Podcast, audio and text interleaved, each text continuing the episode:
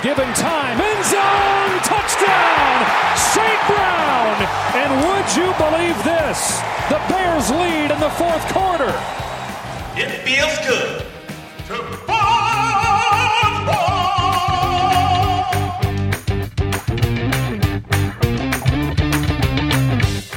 NFL op woensdag, jouw Nederlandstalige podcast over de NFL, de National Football League. NFL op woensdag is een productie van het befaamde Groningse podcastconglomeraat KVM Media.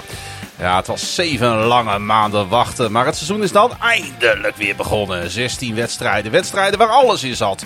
Bloedstollende eindes, comeback victories, inmaakpartijen, gemiste field goals. Nog meer gemiste field goals, een waterballet. Football is back, baby. En wij ook. Seizoen 3, aflevering 16 van NFL op woensdag.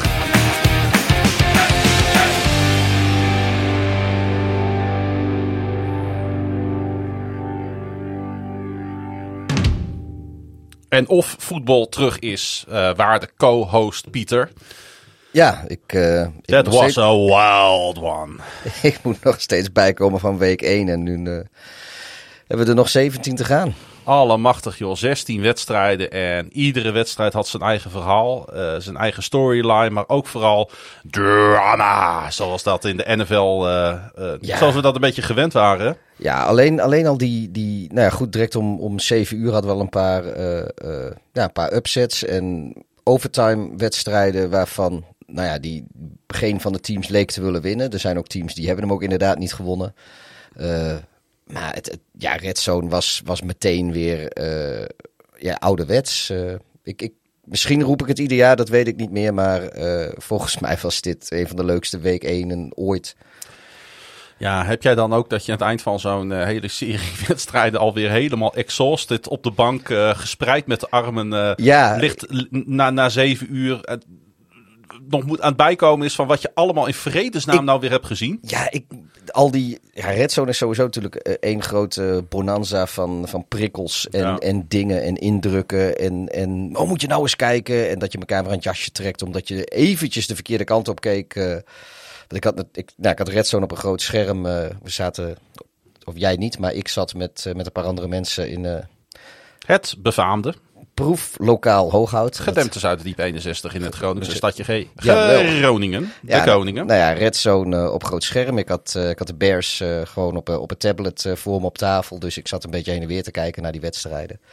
En ja, als, als je dan thuis bent, dan moet je echt even bijkomen. Want ja, ik, ik moet wennen aan al die prikkels. Ik, ik zeven maanden afkicken en dan krijg je meteen weer een vol shot, volle dosis. Ja, dat, dat, dat Ja, er is, geen, van, eh, eh, er is geen andere sport, hè. Ik zat zelf in Engeland en ehm, ik was daar om het trainingskamp van eh, onze Groningse basketbal trots Donar te volgen. En Heb je daar ook een podcast over toevallig? daar heb ik ook een podcast over. Mocht Oh. je daarin geïnteresseerd zijn, doe zo radio. En nee, ik was met, met, met een van de hosts van die podcast, dus in Leicester, United Kingdom. En hij is Jets fan. Ik ben natuurlijk Ravens fan, dus het was Jets Ravens. Dus wij hebben er echt voor gekozen om de laptop op tafel te zetten om 7 uur. Beentjes omhoog, lekker biertje erbij en eh, Jets Ravens kijken. Maar dat was natuurlijk op een gegeven moment wel gespeeld.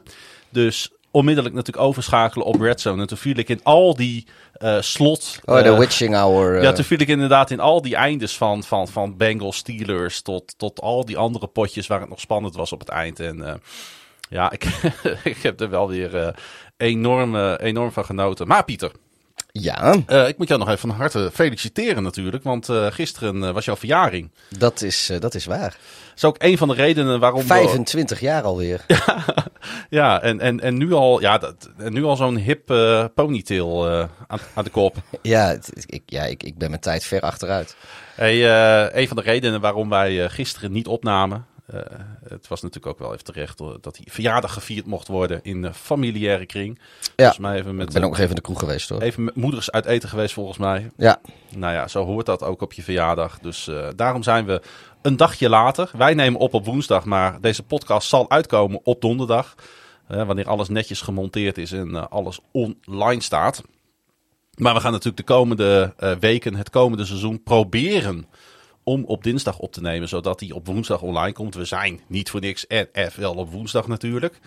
Maar goed, eh, we krijgen het allebei steeds drukker, hè? Ja, het wordt, eh, het wordt niet makkelijker. Oh jongen, we zaten net voor te bereiden de, de afgelopen uren. En ik keek jou aan. Ik zeg, moet je kijken wat we nu alweer hebben moeten doen voor deze podcast. En dan hebben we ook nog eens, nou ja, voor ons gevoel nog lang niet alles. eh, Nee, voor, voor, Goed het- voorbereid. Het, nee, het idee was dat we, dat we het allemaal wat, wat bondiger zouden maken, zodat het ons voorbereidingstijd zou schelen. Maar uiteindelijk eh, ja, zit toch weer een, eh, een werkdag in zo'n beetje. ja. Hey, ehm, verder alles goed?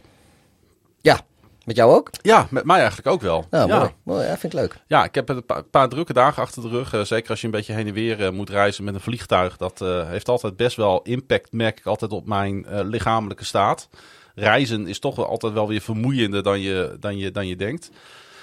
Maar ja, nu het NFL-seizoen weer begonnen is, eh, merk ik toch dat, eh, eh, ja, dat ik het wel weer heel erg tof vind om het te volgen. Ik kijk er ook altijd een beetje tegenop of zo.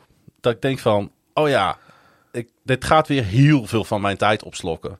En dan zit ik te kijken op die zondagavond en denk ik, ja, ik wil ook weer niks lievers dan dit. Ja, nee, ik had, ik had wel echt heel veel zin in, in deze podcast. Ik, ik moet eerlijk zeggen, ik, heb, ik vind dit, dit veel leuker dan, dan alle preview podcasts. Dat, eh, Had wel nut. het, oh, zeker. Maar eh, ja, ik vind het leuker om, eh, om gewoon te praten over dingen die Ja, we gezien hebben. ook.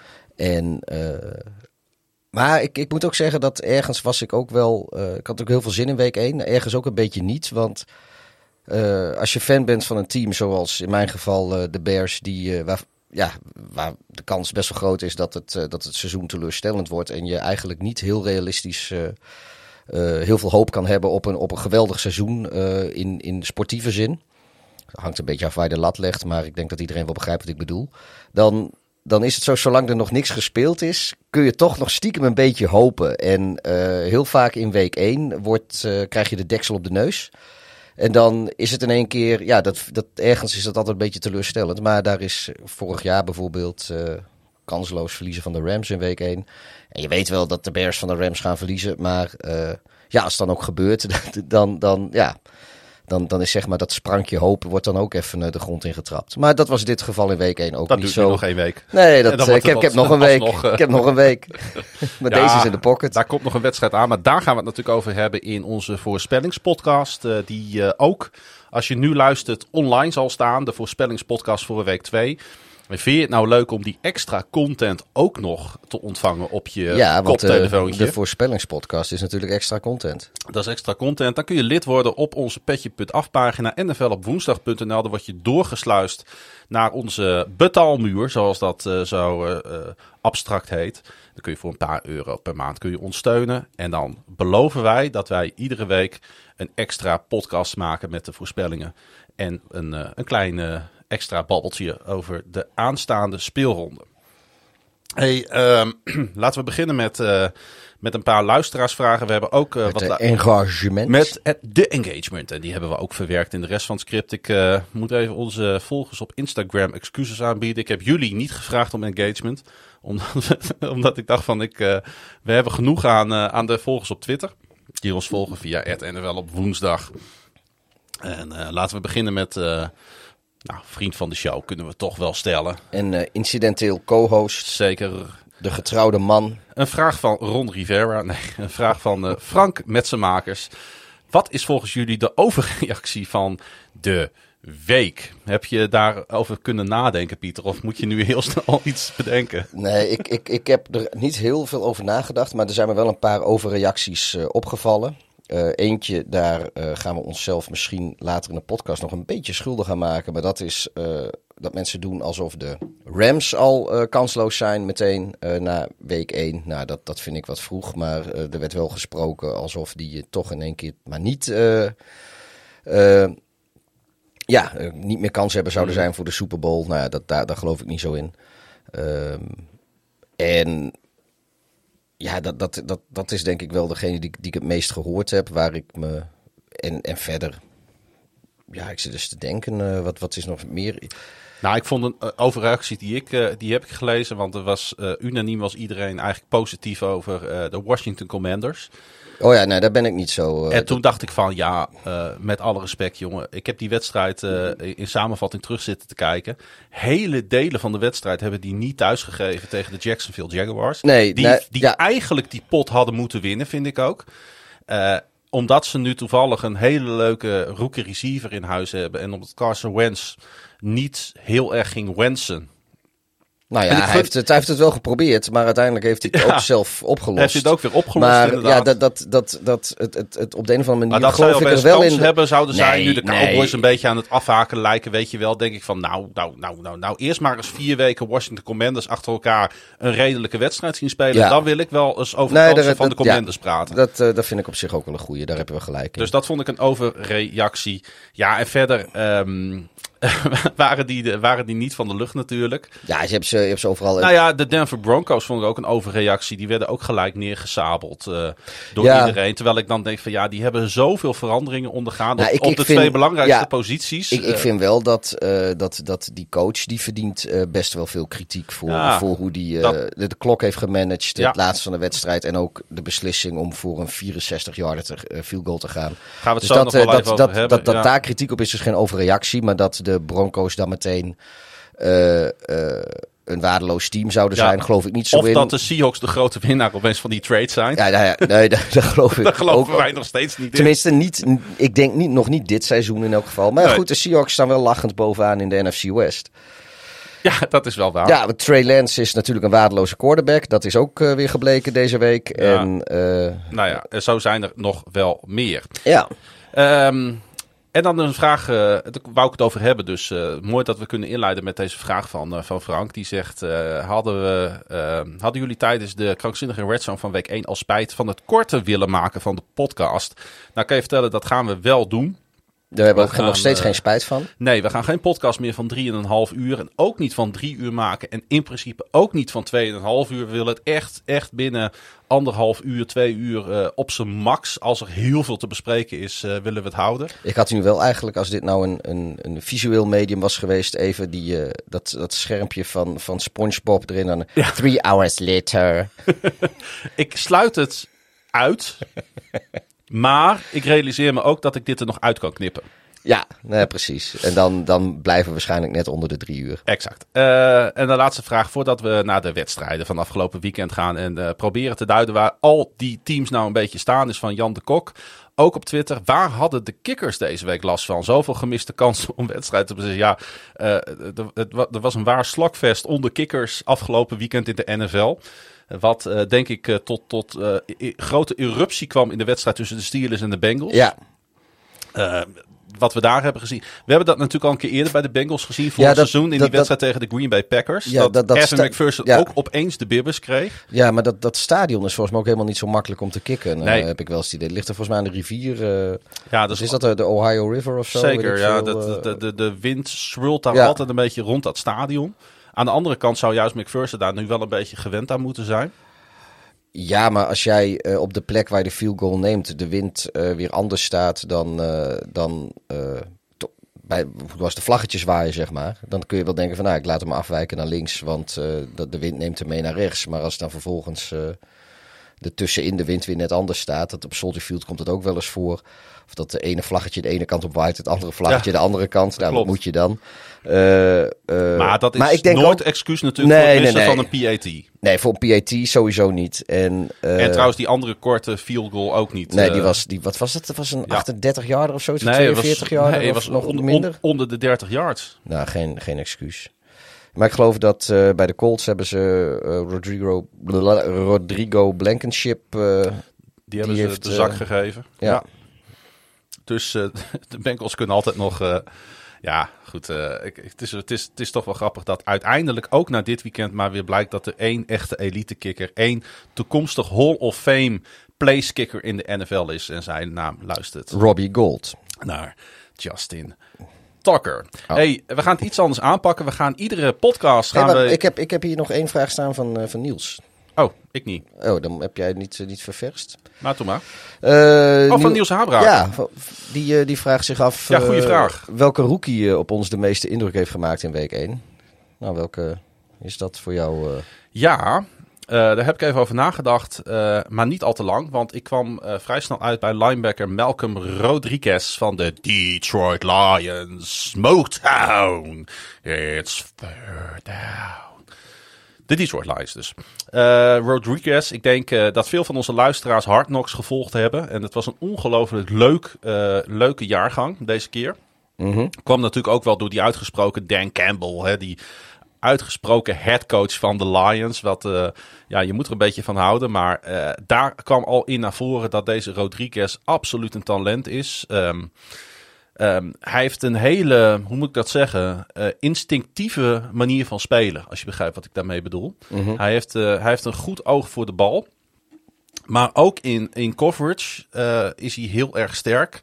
Hij had drie targets deze wedstrijd. En die gingen voor 12 yards en geen enkele first down. Dat vind ik al een indrukwekkende statistiek in een wedstrijd.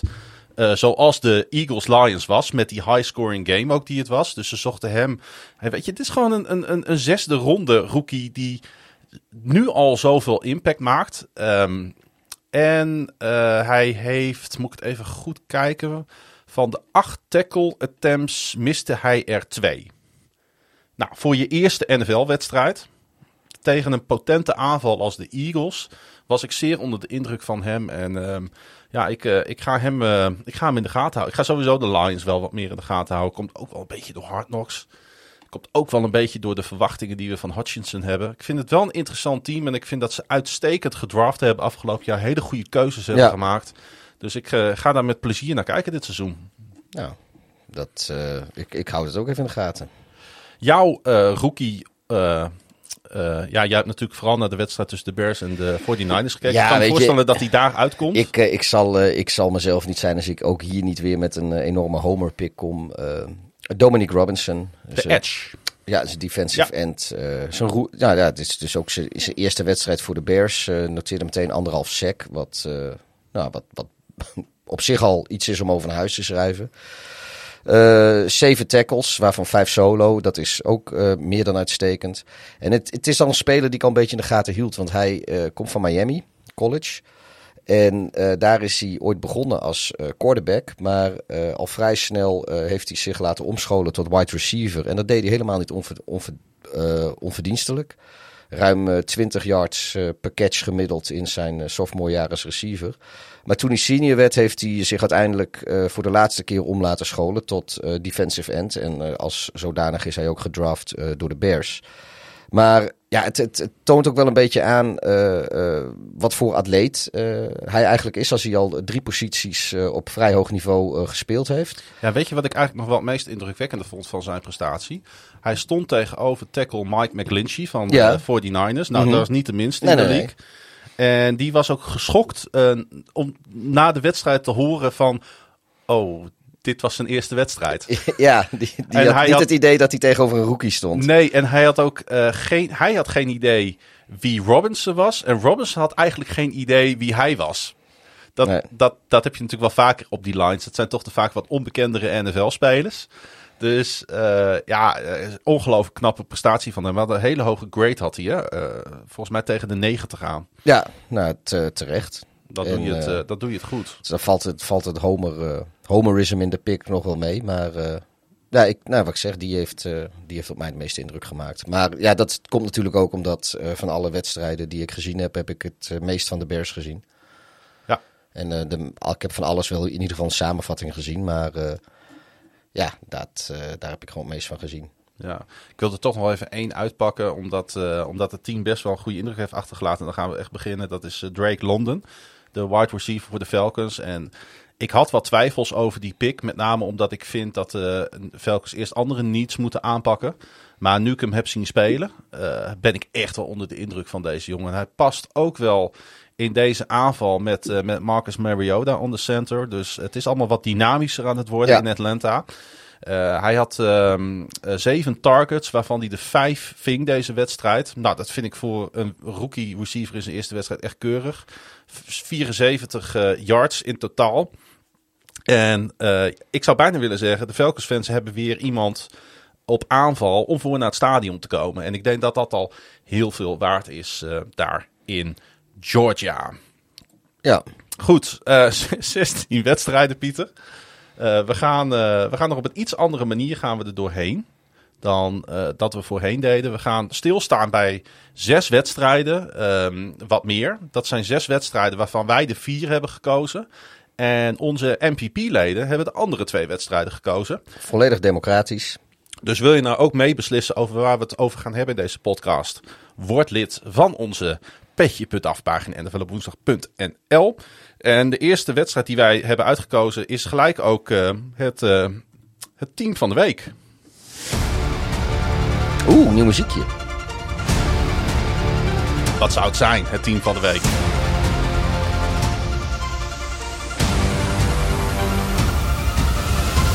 De New York Football Giants! Ja, want eh, Brian de Bol beloofde zijn New York Giants bij zijn aanstelling dat hij geen laffe coach zou zijn. En toen hij voor een two-point conversion ging voor de winst in plaats van overtime, wist hij ook al welke play hij zou callen. Het werkte en de first-time headcoach kon met opgeheven hoofd Nashville verlaten. De New York Giants konden met opgeheven hoofd Nashville verlaten. Wat? De New York Giants en een opgeheven hoofd? Oh ja, zeker. Het team won voor het eerst in zes jaar de season opener. En de Titans, die leden een hele dure nederlaag met de uitwedstrijd in Buffalo op de agenda voor week 2.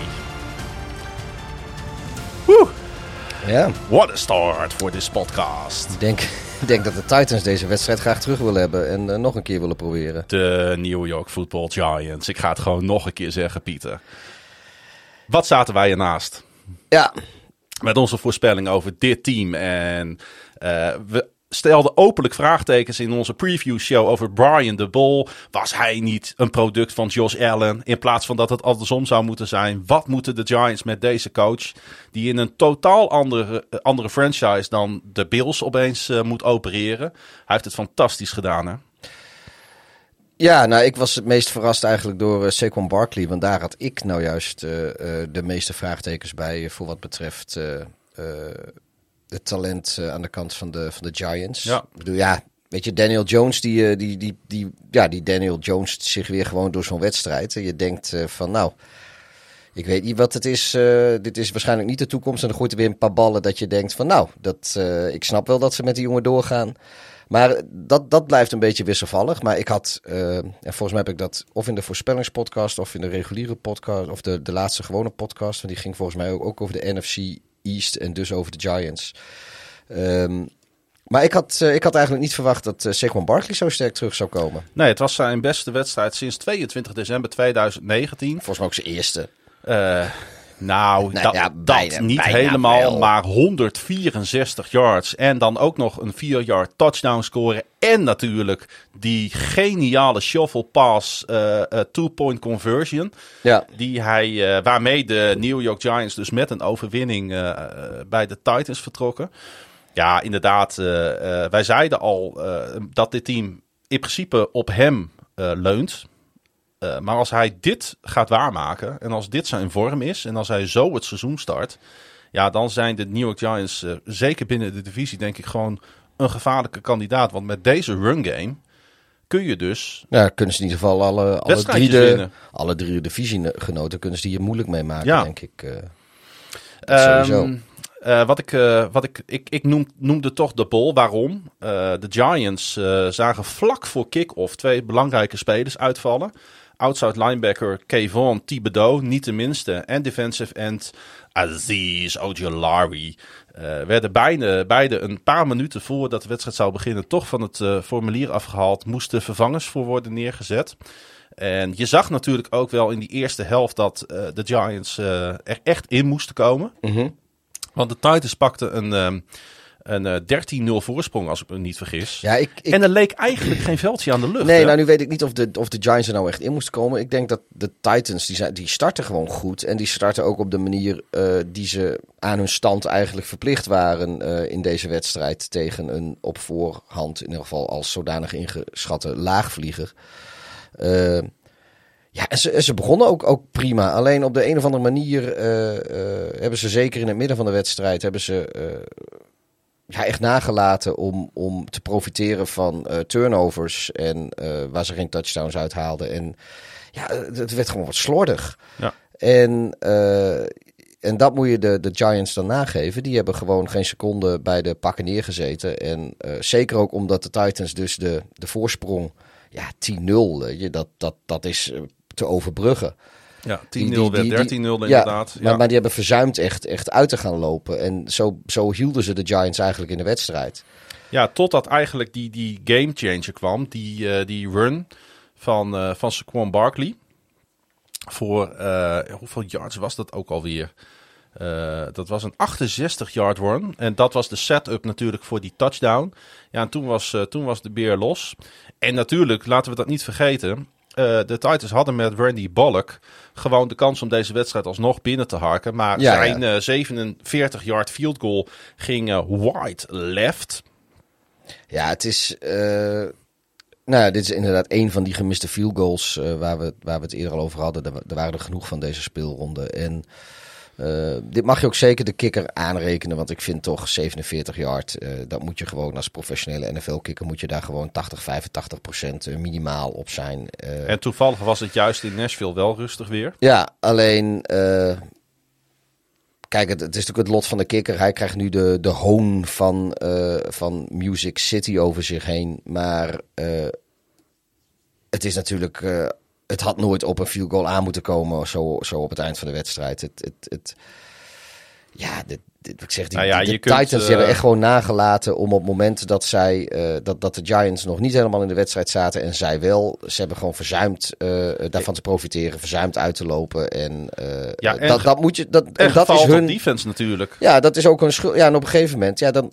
Kijk, de defense gaat altijd een keer wat weggeven. De Titans defense Ja. is ook niet elite. Maar, Maar, die touchdown van Jones op, op Sterling Shepard, wide open. Ja, nee, dat voor klopt. 65 Ja, maar yards. dat- Christian Fulton was dat volgens mij, die cornerback die van staat- die die, staat- stond een beetje om zich een heen te kijken naar het weer maar, en naar het publiek. maar normaal gesproken, kijk, als, je, als de offense gewoon zijn werk doet tegen, een, tegen zoals de Giants op dat moment speelden, hadden ze toen al met, met drie scores verschil voor moeten staan, minimaal. Ja, dan, dan, kun, je, dan kun je een keer een, een, eh, een touchdown tegenkrijgen. Ik bedoel, shutouts in NFL komen eigenlijk zelden voor. En dat is ook met reden. Dat komt omdat het gewoon verschrikkelijk moeilijk is om als defense eh, een hele wedstrijd foutloos te spelen. Ja, en, Eh, eh, maar en als daar jij- komt eh, special teams nog bij. Eh, niet alleen de kicker, maar ze hebben daar een, eh, een rookie eh punt returner eh, dit seizoen. Carl Phillips heet hij. Ja. Eh, en daar ging het eigenlijk mis. Die mafde de pand.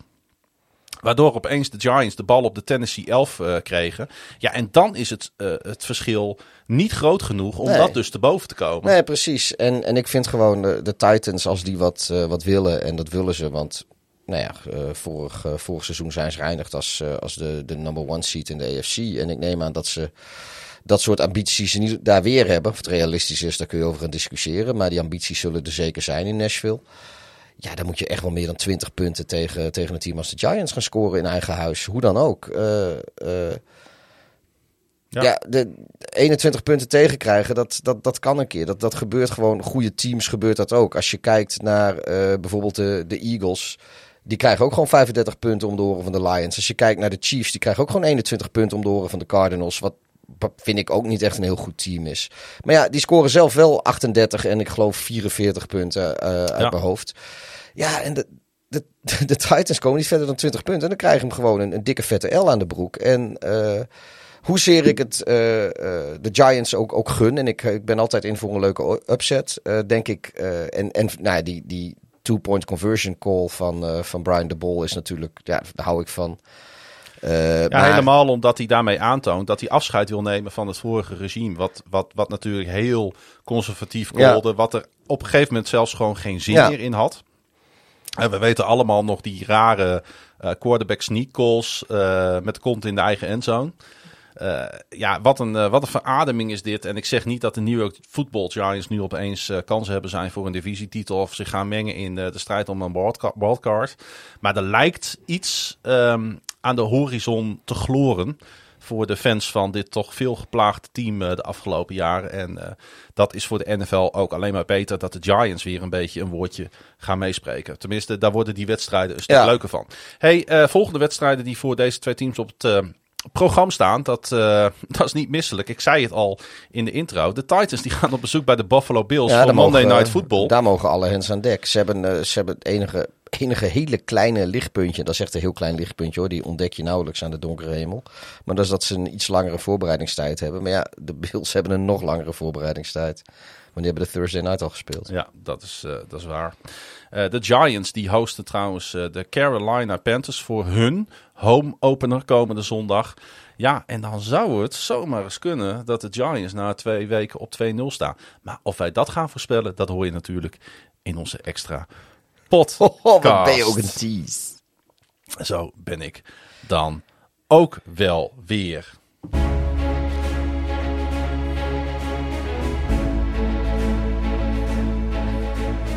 Tom Brady werd afgelopen weekend de eerste 45-jarige starting quarterback ooit in de NFL. Maar er was wederom niets te zien van zijn leeftijd. De blessure viel juist aan de andere kant, waar Dak Prescott het veld moest verlaten in het vierde kwart. En daardoor werd de kater in Dallas nog groter.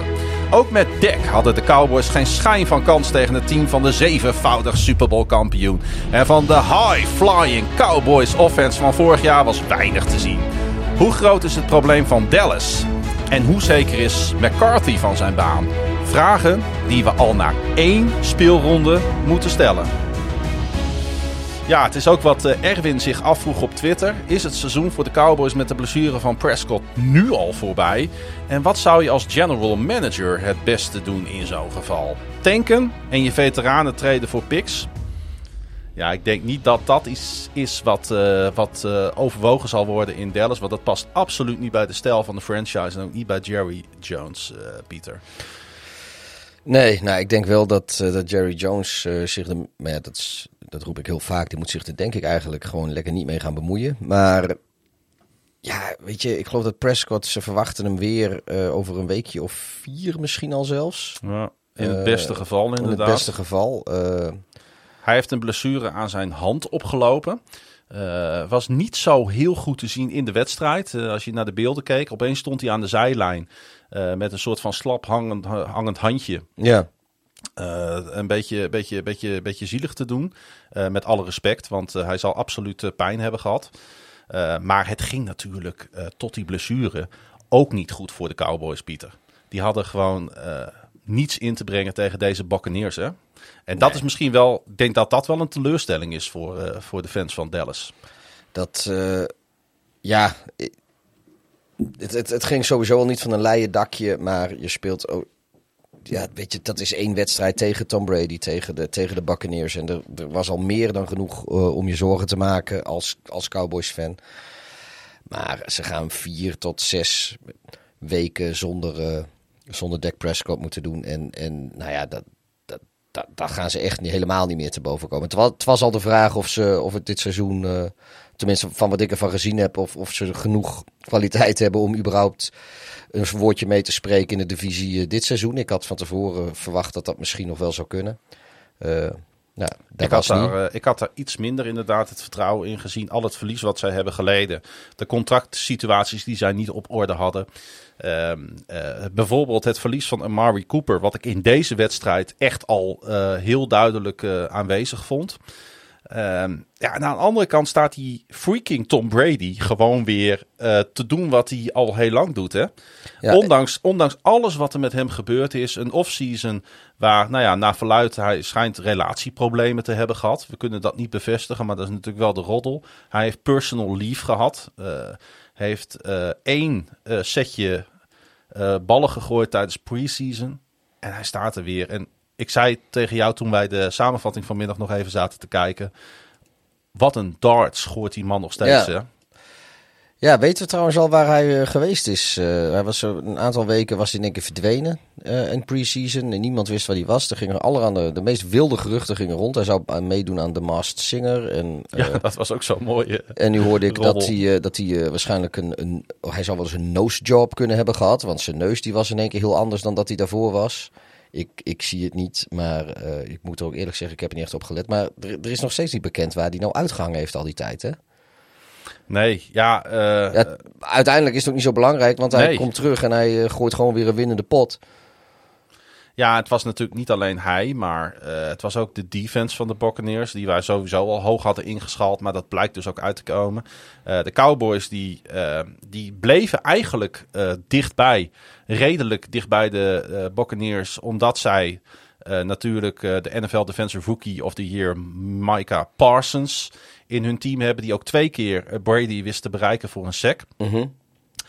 Eh, kijk, en als, als dat nou. als, dus, dus het lag niet aan de Dallas defense. Want het stond bij rust. hadden de Buccaneers niet eens een touchdown gemaakt. Moesten het met enkel en alleen field goals doen. 12-3 stond het op een gegeven moment, als ik me niet vergis. Maar aan de andere kant, ja, die Buccaneers defense met Devin White. Die ook twee keer een sack wist te produceren. Ja, dat heft dat dan alweer op. En als je dan die twee aanvallen naast elkaar zet. Ja, dan hebben de Cowboys echt op dit moment te weinig in huis om in de NFC. eh, teams als de Buccaneers eh, het moeilijk te maken. Ja, en dan heeft eh, dat team van de week van ons, de New York Giants, heeft dus de mazzel dat ze over twee weken al tegen de Cowboys mogen spelen, waar Dak Prescott sowieso nog niet, niet terug is. Dus daar, eh, dat, dat, dat kan ze echt eh, heel veel pijn doen ineens al. Ja, en, en, ze, hebben ook, ze zijn ook een beetje aan het gokken natuurlijk op dit moment. De, de Cowboys met, met de manier waarop ze hun organisatie aan het runnen Ja. zijn. Want die blessure die, eh, van, van Prescott is natuurlijk ook niet zomaar ontstaat. Die. Zij hebben ervoor gekozen om bijvoorbeeld op left tackle met een rookie te beginnen. Voor het eerst in de geschiedenis van de Dallas Cowboys dat ze het seizoen starten met een rookie left tackle. En wat gebeurt er? Devin White, een van de betere verdedigers in de NFC, die komt bij de quarterback.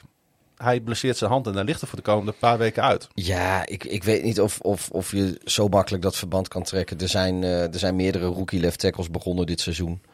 Eh, Nou ja, ja, dat, dat, dat, je, ze moeten een keer beginnen en ehm, nou, daar, dat, ja, dat, ik, ik, ik denk niet dat, dat, dat daar meteen het probleem ligt. nou laat ik dan Wat, zeggen... wat, ik, wat ik wel vind over hoe ze die organisatie runnen, is weer dat, eh, dat die Jerry Jones weer gewoon eh, zomaar uit het niets begint te roepen over tijdlijnen en weet ik veel wat. Terwijl er op het oog nauwelijks eh, fatsoenlijk contact geweest is tussen.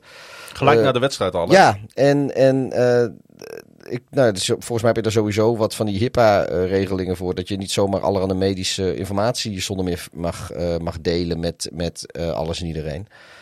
Maar dat, eh, dat vind ik ook weer een raar verhaal. Die, die jongen is nauwelijks fatsoenlijk onderzocht. Er is nog geen tijd geweest om foto's te nemen, om, om, om er echt even rustig naar te kijken. En hij eh, staat, staat met zijn grote mond alweer eh, met, met zijn dikke lippen tegen de microfoon te, te roepen wanneer zijn, zijn quarterback wel of niet terug gaat zijn. Ik, ik, ja, daar, daar, daar vind ik nou wat van. Ik vind dat zo'n belachelijke manier van organisatie runnen. En nou ja, goed, we, we gaan het zien. Eh, volgens eh, volgens eh, Jones zou die terug kunnen komen in, in week 6 al. Dat, dat spelen ze in Philadelphia. En anders, daarna beginnen ze aan een vierluik tegen de NFC North. En ja, dan zouden ze, zou die tegen Detroit of Chicago terug moeten komen. Of ze spelen het op safe. eh, ze hebben in week 9 dan een bye week. En dan hebben ze daarna Green Bay en Minnesota. En dan gaat hij dan Zouden, eh, terugkomen. zouden de Cowboys een eh, quarterback moeten oppikken ergens? Nou, hun, hun backup is, is gewoon absoluut heel beroerd. Ja. Cooper. Rush.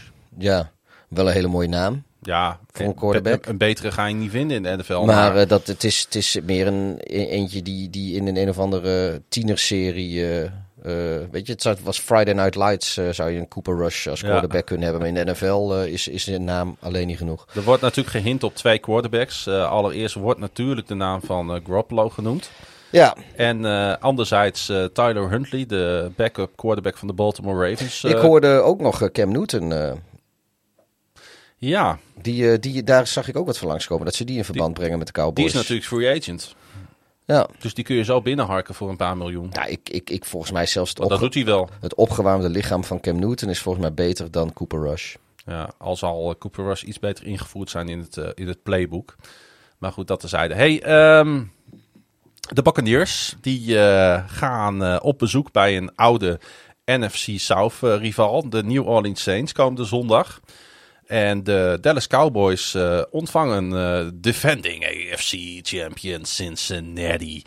Um, en daarbij aangetekend dat de Dallas Cowboys openen met drie van vier thuiswedstrijden. Ja, dus drie van de eerste vier wedstrijden zijn thuis, zo moet ik het zeggen. Ja, dat, voor de seizoenkaarthouders is het kut, want die zien dus helemaal uh, nauwelijks nog wat van Dak Prescott. Ja. Relatief weinig aan de andere kant. En als je dan deze potjes niet wint, omdat je geen uh, fatsoenlijke quarterback hebt, dan ga je ergens later in het seizoen daar nog eens ongelooflijk last van krijgen. On ja. the road natuurlijk. Ja.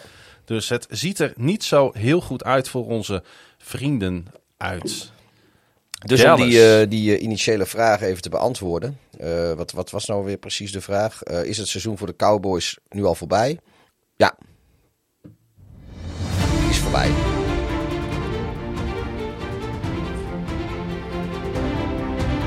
Ik word de beste receiver in de NFL. Dat waren de woorden van Justin Jefferson voor het seizoen. Hij is gelijkaardig op weg de profetische woorden uit te laten komen. Het kan niet anders of Aaron Rodgers, die moet het gedacht hebben tijdens deze wedstrijd. Had ik maar zo'n receiver. Jefferson maakte gehak van de Packers met 184 receiving yards en twee touchdowns. Vikings coach Kevin O'Connell pakte met de 7-23 score zijn eerste overwinning. In de NFC, en de NFC North is in rep en roer. Want is het eindelijk zover? Is het over en uit? Met de alleenheerschappij van Green Bay. De Packers at the Vikings. Uh, America's Game of the Week. Uh, en uh, ja, misschien voor heel veel andere fans van andere teams in de NFC North ook wel de Game of the Week, hè? Nou, ik, ik vond de wedstrijd van de, van de Bears belangrijker. Maar ja, dit is wel sowieso. Je kijkt altijd naar wat, uh, wat, uh, wat je divisiegenoten doen. En als ze twee tegen elkaar spelen, dan, uh, dan is dat extra interessant. En ja, als het dan ook nog zo uitpakt zoals het doet, dan want het zal de luisteraars niet verbazen dat ik meer dan content ben met, met de uitslag. Ja, want um, waar de Cowboys geen schijn van kans hadden tegen de Buccaneers, hadden de Packers echt geen schijn van kans tegen deze Minnesota Vikings. Die uh, die hot flying uit de kleedkamer kwamen. Nee, het was, uh, het was de slechtste week 1 van Green Bay sinds vorig jaar week 1. Ja, toen uh, ging het ook niet al te best inderdaad. Um, wij, het was trouwens ook de, de, de, de slechtste wedstrijd van hun in, in, in de NFL sinds vorig jaar hun laatste wedstrijd in het seizoen. Ja. Eens. Dus eigenlijk, wat negatieve reeksjes als je er naar een soort van patronen zichtbaar. Ja, ik, als, als, je, als, je, als, je, als je maar goed genoeg zoekt, zoekt zie je altijd wel, eh, wel, wel een reeks. Hey uh, Pieter, die Jefferson hè. Hij had natuurlijk al um, over de afgelopen twee seizoenen de meeste receiving yards van welke speler dan ook ooit in de NFL. Meer dan 3000 yards over twee seizoenen. Um, en uh, die eerste helft die hij speelde was grandioos. Hè? 158 yards. Een all-time Vikings receiving uh, record was dat zelfs. Ja, en daarnaast, ik moet het um, toch nageven, die Kirk Cousins zag er ook uitstekend uit, hè? Ja.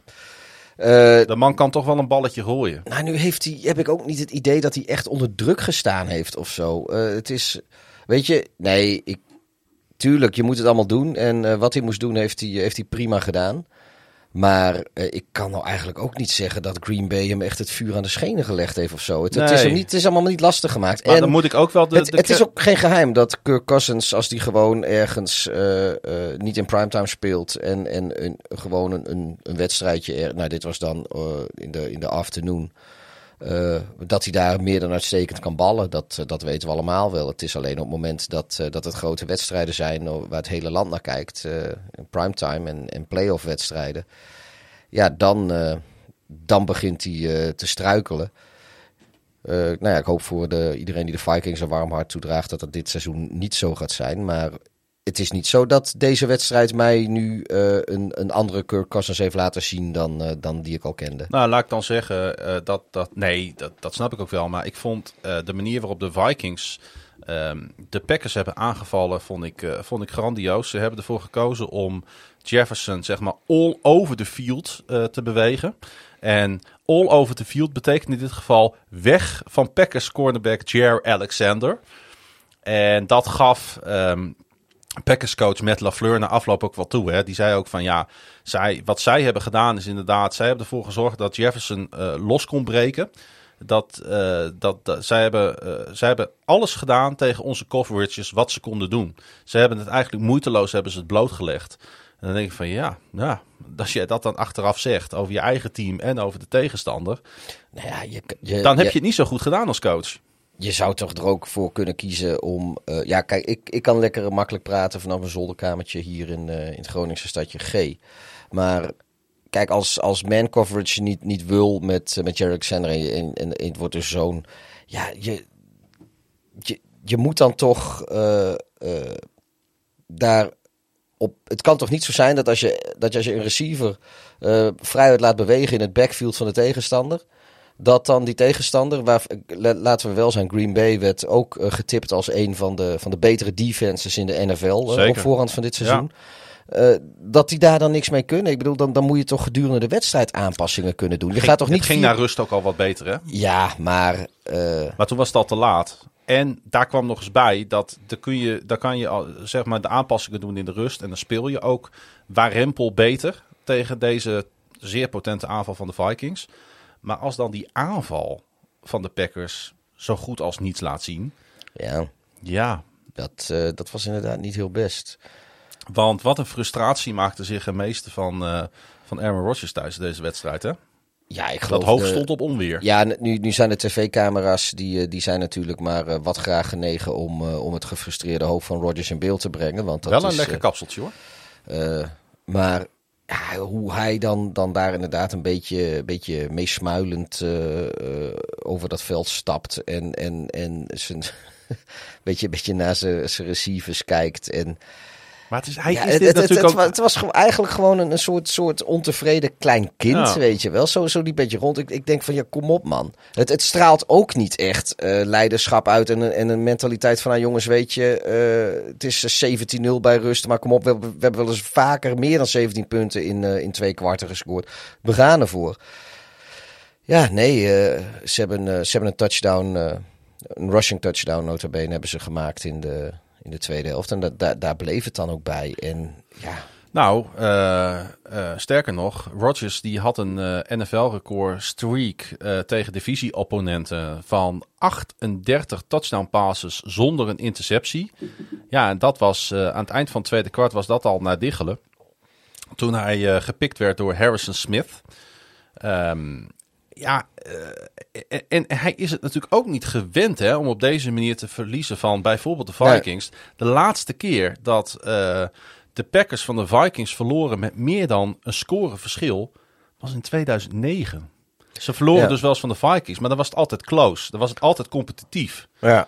Nooit op deze manier genadeloos. Nee, nee, en nu is het niet. Kijk, nu heb je ook die, die Christian Watson. eh, dat is die rookie, eh, rookie receiver van Green Bay. Ja, die, laat ook een, pick. die laat ook gewoon een. Ja, heel pikant genoeg. Een, eh, was dat een, is die tweede ronde pick. Die heb Green Bay gekregen door Ja, een, van de Vikings. Van de hè? Vikings. Ja, dat klopt. Ja. Maar ehm, ja, die, die laten ze- 75 jaar touchdown.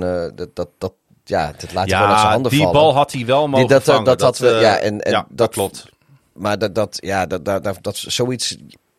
Weet je, dat kan gebeuren. Ook bij sport. Het is ook een rookie, we even normaal. Maar dan, dan ja, die staat er dan zo gefrustreerd naar te kijken. En ik was niet bij die wedstrijd, dus ik moest, moest het doen met, eh, met de beelden die, eh, die de tv-crews ervan gemaakt hebben. En hoe zij het in elkaar geknipt hebben. Dus, dus misschien is, was het wel helemaal geen realistische weergave van de werkelijkheid. Eh, laat, ik, laat ik dat voorop stellen. Maar zoals het voor mij als tv-kijker overkwam, was het echt.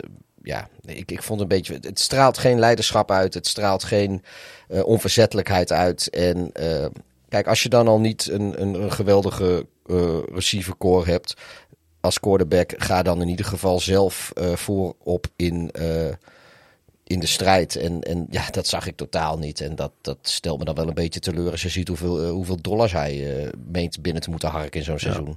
Nog één speler die ik er even wil uitlichten uit deze wedstrijd. Dat was Zedarius Smith. Die natuurlijk gereleased werd door de Packers. Uh, een echte ja, authentieke cost-cutting move was dat natuurlijk. Ja. Uh, hij had een van de vier sacks die Minnesota wist te creëren. En hij stopte natuurlijk Dylan uh, voor, uh, voor no gain op die 4 en 1 op de 1 yard line in het tweede kwart. Ja. en ik weet niet of je gezien hebt hoe hij ook zeg maar zijn uh, plays vierde. Ja, maar die was behoorlijk over dat top, veld. Uh, ja, dat, dat, dat, zag er heel, heel, heel creepy uit eigenlijk. Als je, als je iemand zo'n donker steegje op je af ziet komen, dan denk je dat je in een horrorfilm zit. Want het was een soort rare crouch. Ja, ik weet ik, ik, ik, ik zag er, vond er apart uitzien. Uh, hoe dan ook, de Vikings wisten deze pot dus naar zich toe te trekken. Zij gaan op bezoek bij de Eagles. En nou, dat moet zeggen dat, dat dat ik dat op voorhand eh, wel een heel leuk affiche nu al vind. Ja, ik ben benieuwd. Ja, en de Packers die gaan het natuurlijk ook niet makkelijk krijgen. Want die krijgen Chicago uh, op bezoek op... Uh, op, hoe heet het nou ook alweer?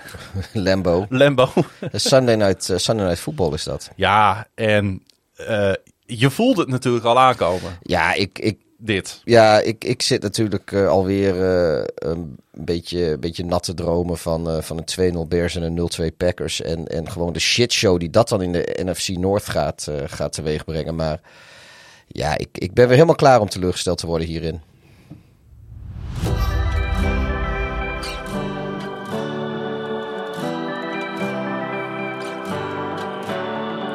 De seizoensopener winnen bij de Super Bowl kampioen betekent weinig wanneer je in januari weer een playoff game verliest. De weg naar Glendale is nog lang, maar je kan er maar het beste beginnen met het winnen van de proloog. Nadat de Bills gezien hadden hoe de Super Bowl banner in de nok van SoFi Stadium werd gehezen, legde het team van onder andere Outram van Miller een puikenpot op de mat. Miller noteerde twee van de in totaal zeven Bills sacks en Josh Allen gooide vier touchdowns. Het zorgde ervoor dat onder Sean McVay de Rams voor het eerst onder een punt 500 record staan.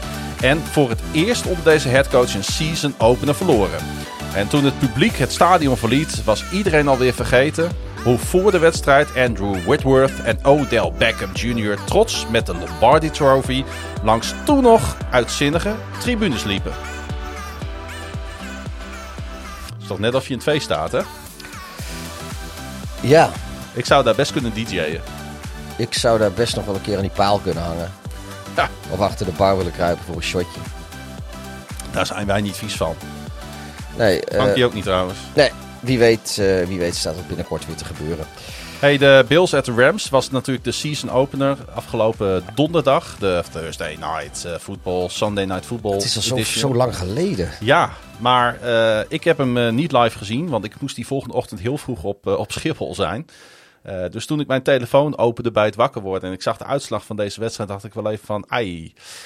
Ik, ik, ik, ik was die wedstrijd, kwam ik vrij laat thuis, rond middernacht, iets na middernacht. En ik uh, was wel in de gelegenheid om live te kijken. Dus ik denk, dat ga ik zeker even doen. Maar ik denk, ja, dan zit ik twee uur lang hier thuis te loeren. En dan val ik vast in slaap op de bank of weet ik veel wat allemaal. Dus ik dacht, weet je wat ik doe? Ik, uh, ik loop even naar een kroegje een stukje verderop. En dan ga ik daar even zitten paar uurtjes en dan ga ik weer naar huis, ga ik lekker die wedstrijd kijken.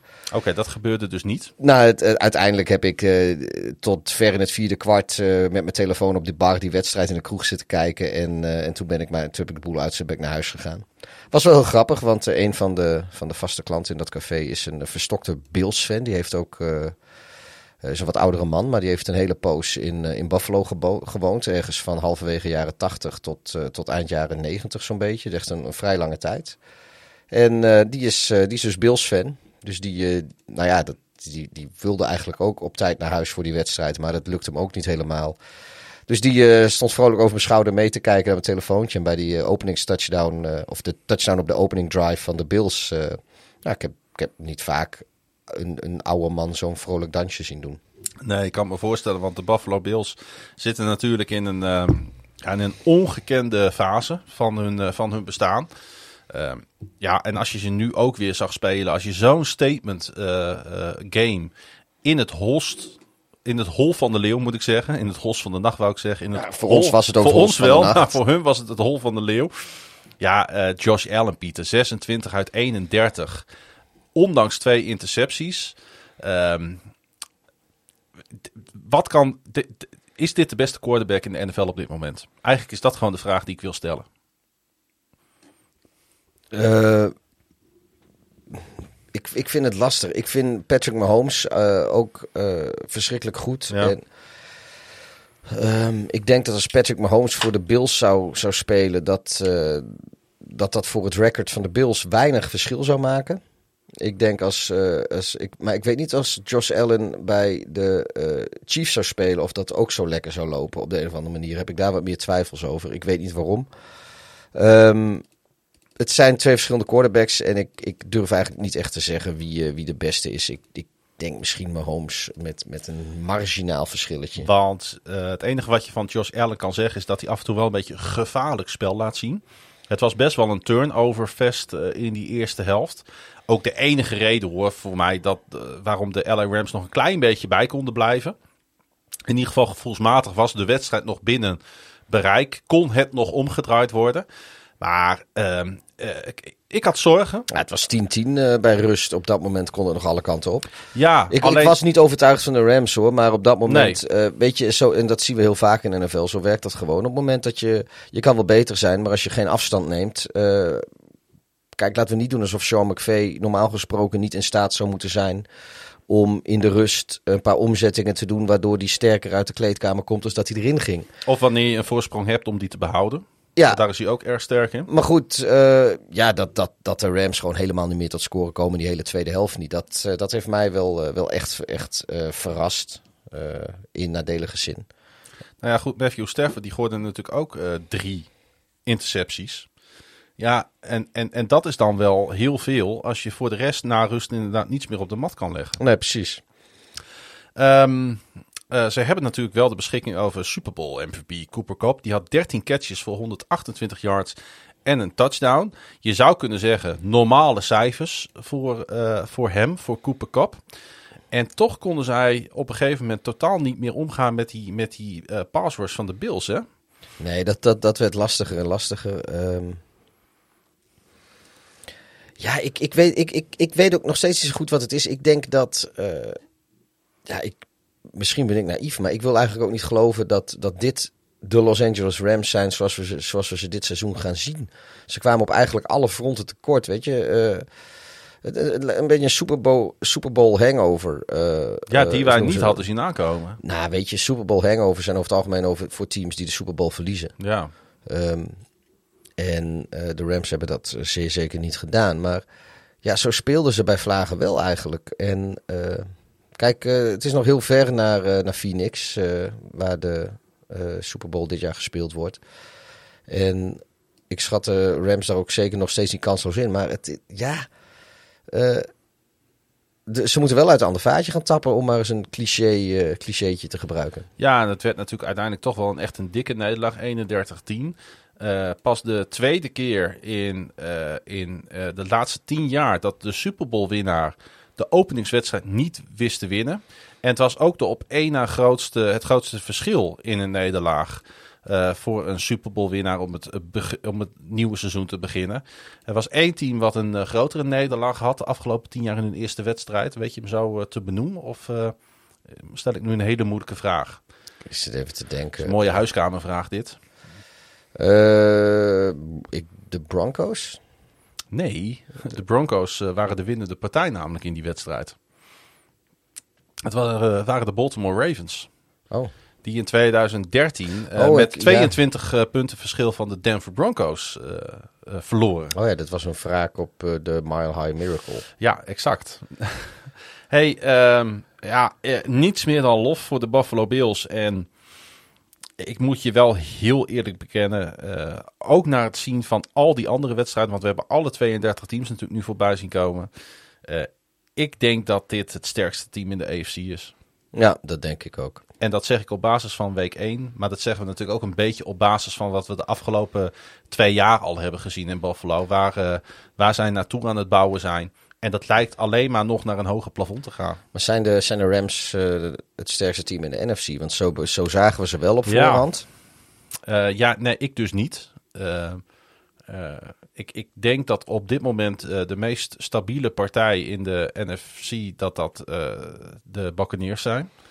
Afgaande op hun solide overwinning ju- in eh, ja, Dallas. terwijl die volgens mij juist weer wat minder hoog door, door... Kijk, de, de usual suspects eh, voor veel mensen, eh, eh, wat de, natuurlijk de Niners en de Packers en de, de Rams waren, die hebben alle, alle drie verloren in een openingswedstrijd. Dat zijn de Buccaneers die, die zeg maar van de, van de, van de, van de grote kanshebbers op voorhand in, de, in de NFC, hebben zij net als enige de overwinning gepakt. Ja. Ja, ik kan me zo niet nu... Ja, de Eagles hebben hem natuurlijk ook gewonnen, maar daar gaan we het straks over hebben. Dat was natuurlijk eh, geen, geen solide overwinning. Nee, en ik, ik weet, er, er zijn wel mensen die, eh, die de Eagles als, als gevaarlijke buitenstaander noemen, maar niet, eh, denk ik, niet, niet zoals de Rams en de, de, de Packers en de, de eh, 49ers. 49ers en de, en de Buccaneers genoemd werden. Eh, de Vikings zijn ook door sommige mensen wel getipt als, als buitenstaander. Die hebben natuurlijk wel overtuigend gewonnen, maar...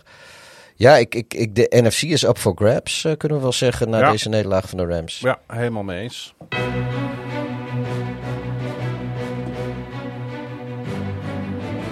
Alweer de dertiende free touchdown pass game van zijn nog jonge carrière van Justin Herbert was dit.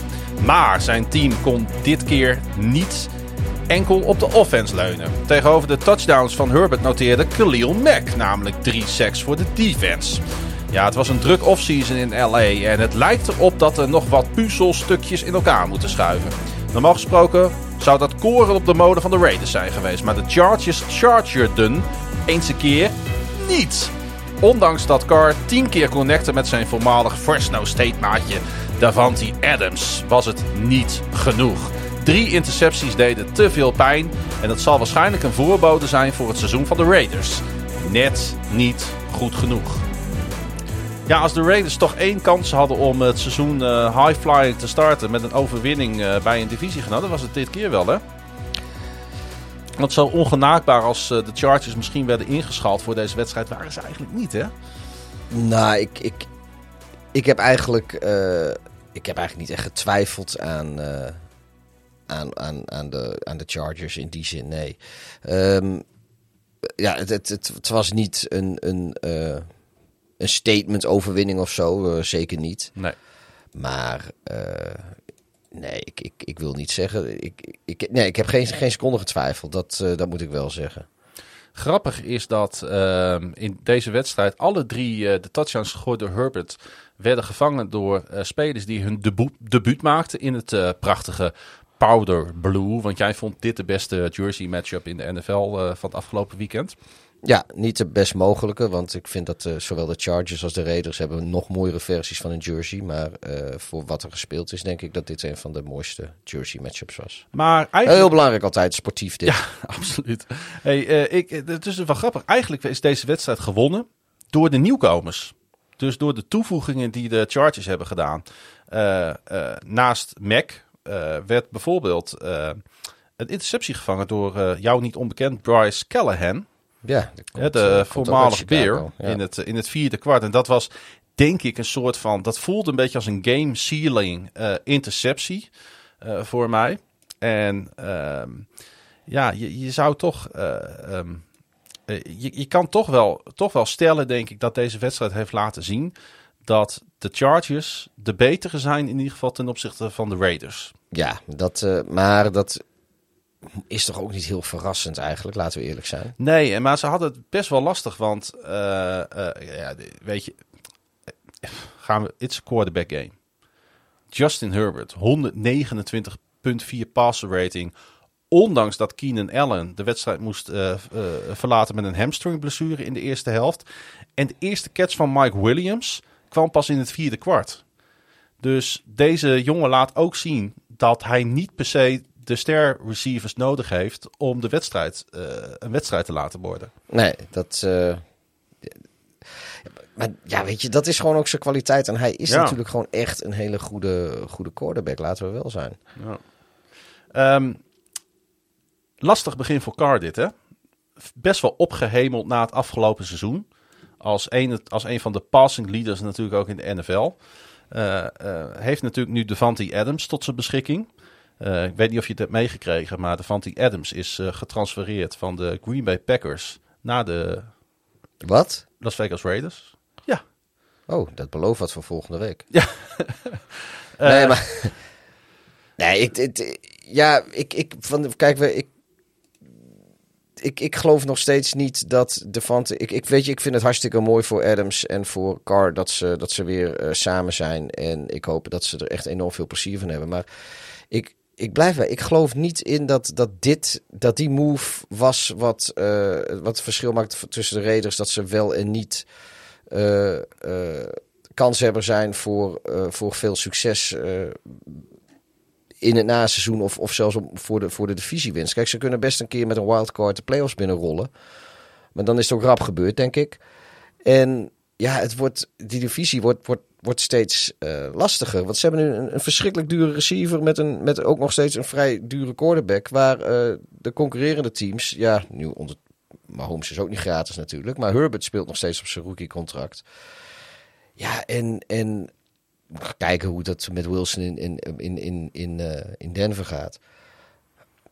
Maar ja, ik, ik, ik, ik, heb, ik heb gewoon geen geloof in de, in, in de, in de Raiders op, de, op deze manier. Zal ik je vertellen waar ik denk uh, waar deze divisie gewonnen wordt? Niet op offense. Nee, nou, en ook daar zul, ja, ook, ook da, dan denk ik dat, dat in dit geval de Chargers ook daar weer de betere move gemaakt hebben. Ja, jij kent uh, Khalil Mack natuurlijk goed. Maar hij had zijn, de, de Raiders ken, ken, kenden hem ook nog en die hebben hem nu uh, opnieuw ja. uh, leren kennen. Hij had zijn tweede drie-sack game uit zijn nu negenjarige carrière. Dus dit is ook niet voor hem heel gebruikelijk dat hij zo... Dat hij zulke cijfers noteert. Nee, dat hij in zijn debuutwedstrijd voor een team geweldig mm. uit de startblokken kan komen, dat, dat, dat weten wij allemaal. Waren zelfs in totaal drie spelers bij de Bolts die een pick noteerden. En dat was in een openingswedstrijd voor het eerst sinds 1966, toen het nog de American Football League was. Kijk, kijk toen er nog geen Super Bowl bestond. Nee. Uh, ja, ik denk uh, al met al, ondanks dus dat het op papier uh, spannend, spannend was. En ook bleef omdat de Chargers in het laatste kwart niet meer tot scoren kwamen. Um, een, toch een goede overwinning van de Chargers. Ja, en als de Chargers ook iets willen en ze willen af van dat Charger. En dan is het ook belangrijk dat ze een keer dit soort wedstrijden gaan winnen. In plaats van op het laatst alla de Falcons weggeven. Hè? Want ik denk dat, laat ik zeggen, als dat dan de, dat moet, dat is eigenlijk de winst van deze wedstrijd. Dat de Chargers niet gingen charger. Nee, dat ze. Nee, en, en nu is het seizoen nog heel lang. En de, de Chargers zijn ook een team met een, een enorme uh, haatverhouding, om het zo maar te zeggen. Of met, een beetje een moeilijke relatie hebben met, met de playoffs. Um, ik hoop van harte dat daar ook verandering in komt. Maar uh, ja, laten we hopen dat, dat de Chargers in ieder geval dit, dit door kunnen zetten. Uh, en niet. Uh, want ik vond het zo jammer dat ze vorig jaar al buiten de boot vielen. Ehm, ja, laten we gewoon hopen dat, dat, dat, dat ze nu de, echt de, de, de lijn omhoog hebben ingezet. Meer nog dan. Ja, we gaan het Thursday Night Football gaan we het zien, Pieter. Want dan spelen zij natuurlijk bij de Kansas City Chiefs. Ja, dat, uh, dat is meteen... Uh... Een wedstrijd om, uh, ik zou bijna willen zeggen, handenwrijvend nu al naar uit te kijken. En de Raiders hebben een goede kans, denk ik, op een eerste overwinning. Want zij ontvangen de Arizona Cardinals in, in Las Vegas. Doe maar. Komend weekend. De ene woestijnstad naar de andere woestijnstad. Wat is dit voor een ethisch... Is goed of niet? Ja. Ik heb echt even Arnold Schwarzenegger nu in beeld zien lopen of zo. Hey Pieter, wij zijn niet zo van het I told you so, maar I told you so. De Cardinals hebben een probleem. Niet alleen omdat Patrick Mahomes langskwam, maar omdat ze het team niet op orde hebben. Je weet dat je tegen de Chiefs vroeg of laat tegen een big play of een score gaat oplopen. Maar vijf touchdowns, come on man! Het maakte overigens de prestaties van de Chiefs niet minder indrukwekkend. En Mahomes liet het de Cardinals weten. Na de vierde touchdown draaide hij zich om naar de Cardinals zijlijn en hield hij vier vingers op. Kansas City toonde geen enkele genade in het seizoen dat de Super Bowl notabene in Arizona gespeeld zal worden. De Chiefs maakten een case voor zichzelf om in februari terug te keren in de woestijn. En de Cardinals moeten drastisch verbeteren als ze in eigen stadion willen shinen in de grote finale. Ja, de Chiefs at de Cardinals 44-21 eindstand, Pieter. Uh, gehakt, hè? Ja, ik, het leek er wel op dat, uh, dat de Cardinals gewoon geloven dat ze automatisch naar de Super Bowl gaan en hem ook gaan winnen, omdat de voorgaande twee jaren thuisteam hem won. En uh, ja, het lijkt er een beetje op als dat ze denken, nou weet je, wij gaan ook, gewoon op Jan, Jan Boerenfluitjes uh, gaan wij gewoon naar, uh, naar, de, naar de toe. Zullen we hem gewoon nog even verder laten lopen omdat het zo lekker is? Ja, maar zo was het niet. Nee, zijn naam viel al in deze aflevering, Pieter, Patrick Mahomes. Um, ja, hij wedijverde inderdaad wel met Josh Allen om de titel beste quarterback in de league. Hè? En dat heeft hij gelijk in week 1 laten zien. Als er al Douw waren, dan zijn ze er nu niet meer. Nou, ik geloof niet dat, uh, dat er nu nog mensen zijn die aan Patrick Mahomes twijfelen, toch? Nee, uh, dat lijkt mij ook niet. hey, ik moet toch, uh, en ik had dat liever niet gehad hoor, maar ik denk dat we toch moeten constateren dat onze zorgen over de Cardinals zijn uitgekomen.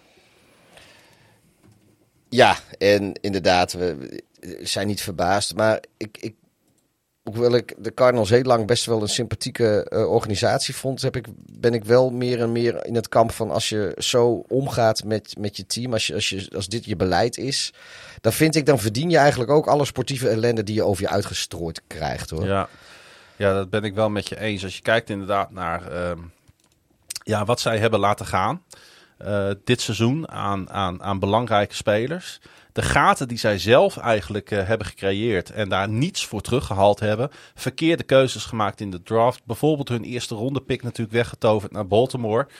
Uh, een team wat, uh, wat iets slimmer met contractsituaties omgaat dan de Arizona Cardinals. hoewel je daar natuurlijk een discussie over kan voeren als het gaat op quarterback.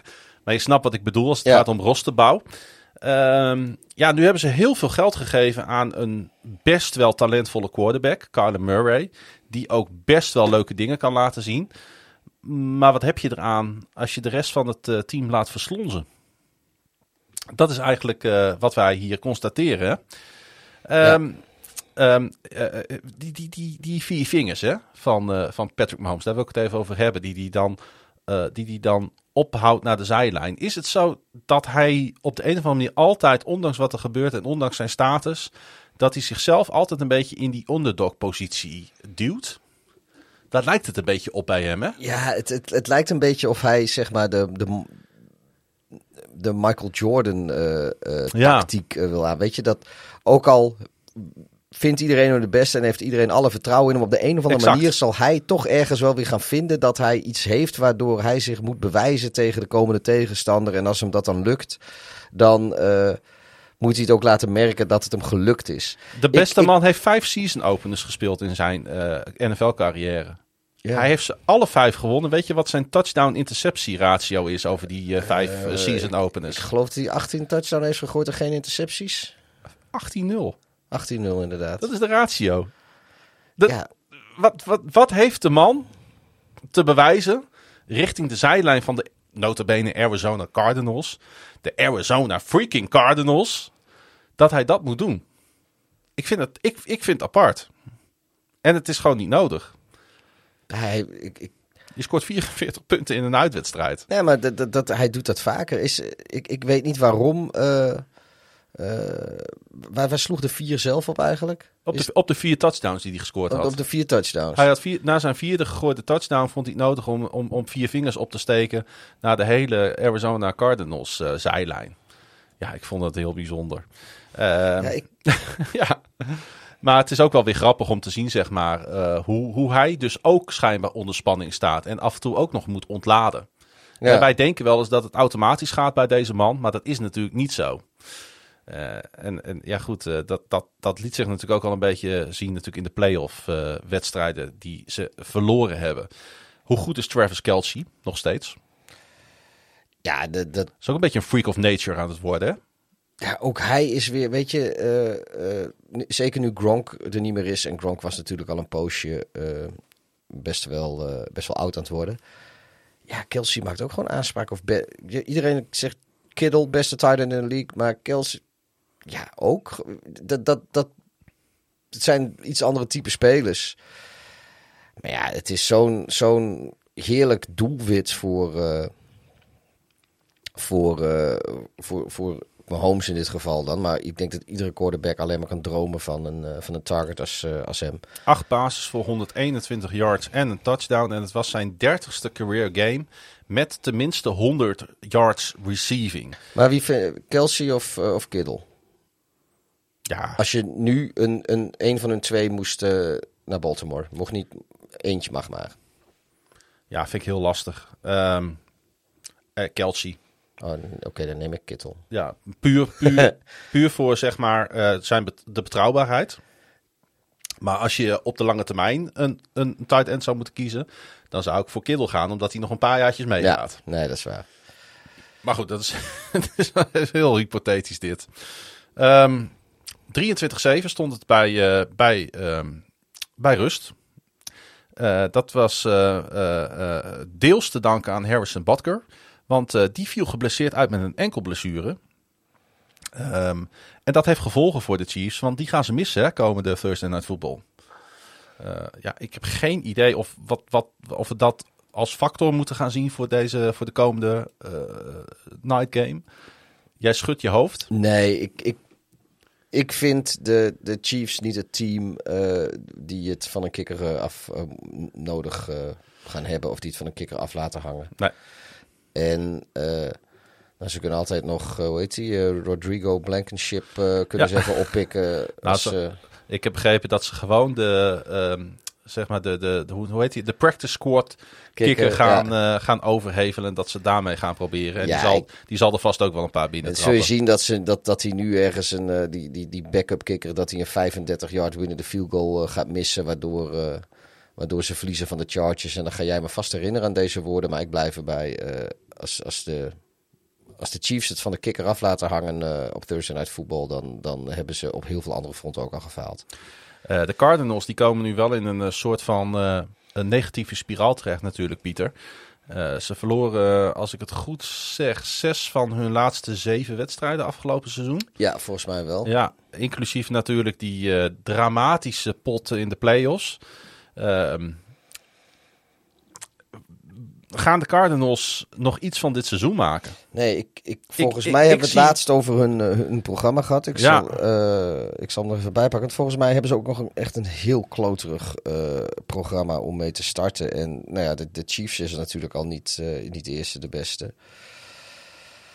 Maar ja, Bengals. Oh nee, sorry, dat was preseason natuurlijk. Eh, Las Vegas, Ja, dat is natuurlijk de, hun komende uitwedstrijd. Ja, nou, dan, dan- zullen ze het ook niet heel makkelijk hebben. dan de Rams, dan at Panthers, dan de Eagles, at Seahawks. Ja, eh, ze- Saints, at Vikings, Seahawks weer, at Rams, Niners, Chargers. Ze zullen vast wel een wedstrijdje over de streep trekken, maar ik heb, ik heb er niet heel veel vertrouwen in.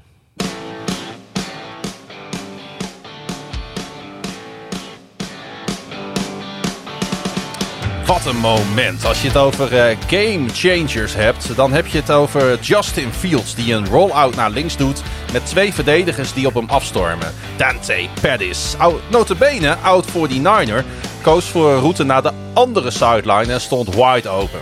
Fields gooide een crosspass en Pettis deed de rest voor een 51-yard touchdown.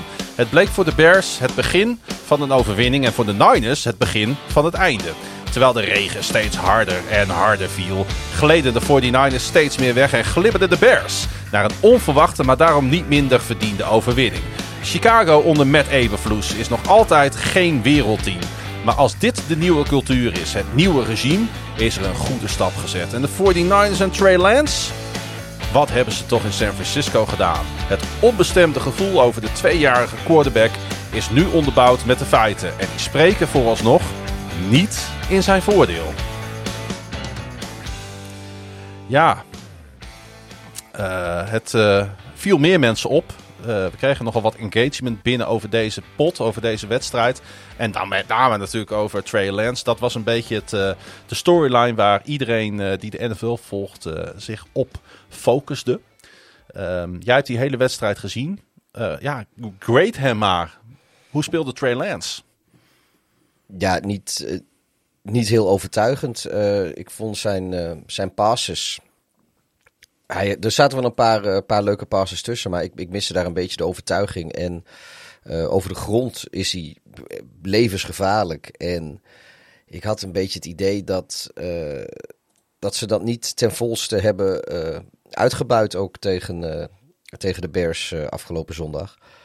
Ehm, maar al met al, ja, kijk, de, de lulkoek van, van het weer, daar, daar doe ik niet aan mee. Want eh, eh, in de basis zijn Fields en Lens, denk ik, eh, qua speelstijl wel enigszins te vergelijken. Er Ja. wordt verwacht van ze dat ze met hun, met hun armen, met big plays, dingen mogelijk maken die ze creëren door mobiel te zijn met hun benen. Ik heb Fields dat zien doen in de regen. Pas in de tweede helft, moet ik ook toegeven. De eerste helft waren de Bears helemaal nergens. Ehm, ik heb dat Lance in veel mindere mate zien doen. En heeft Fields iets meer ervaring in de NFL. Maar ze zijn natuurlijk allebei tweedejaars quarterbacks. Eh, Fields heeft geloof ik zeven wedstrijden gestart vorig jaar. Lance drie of vier.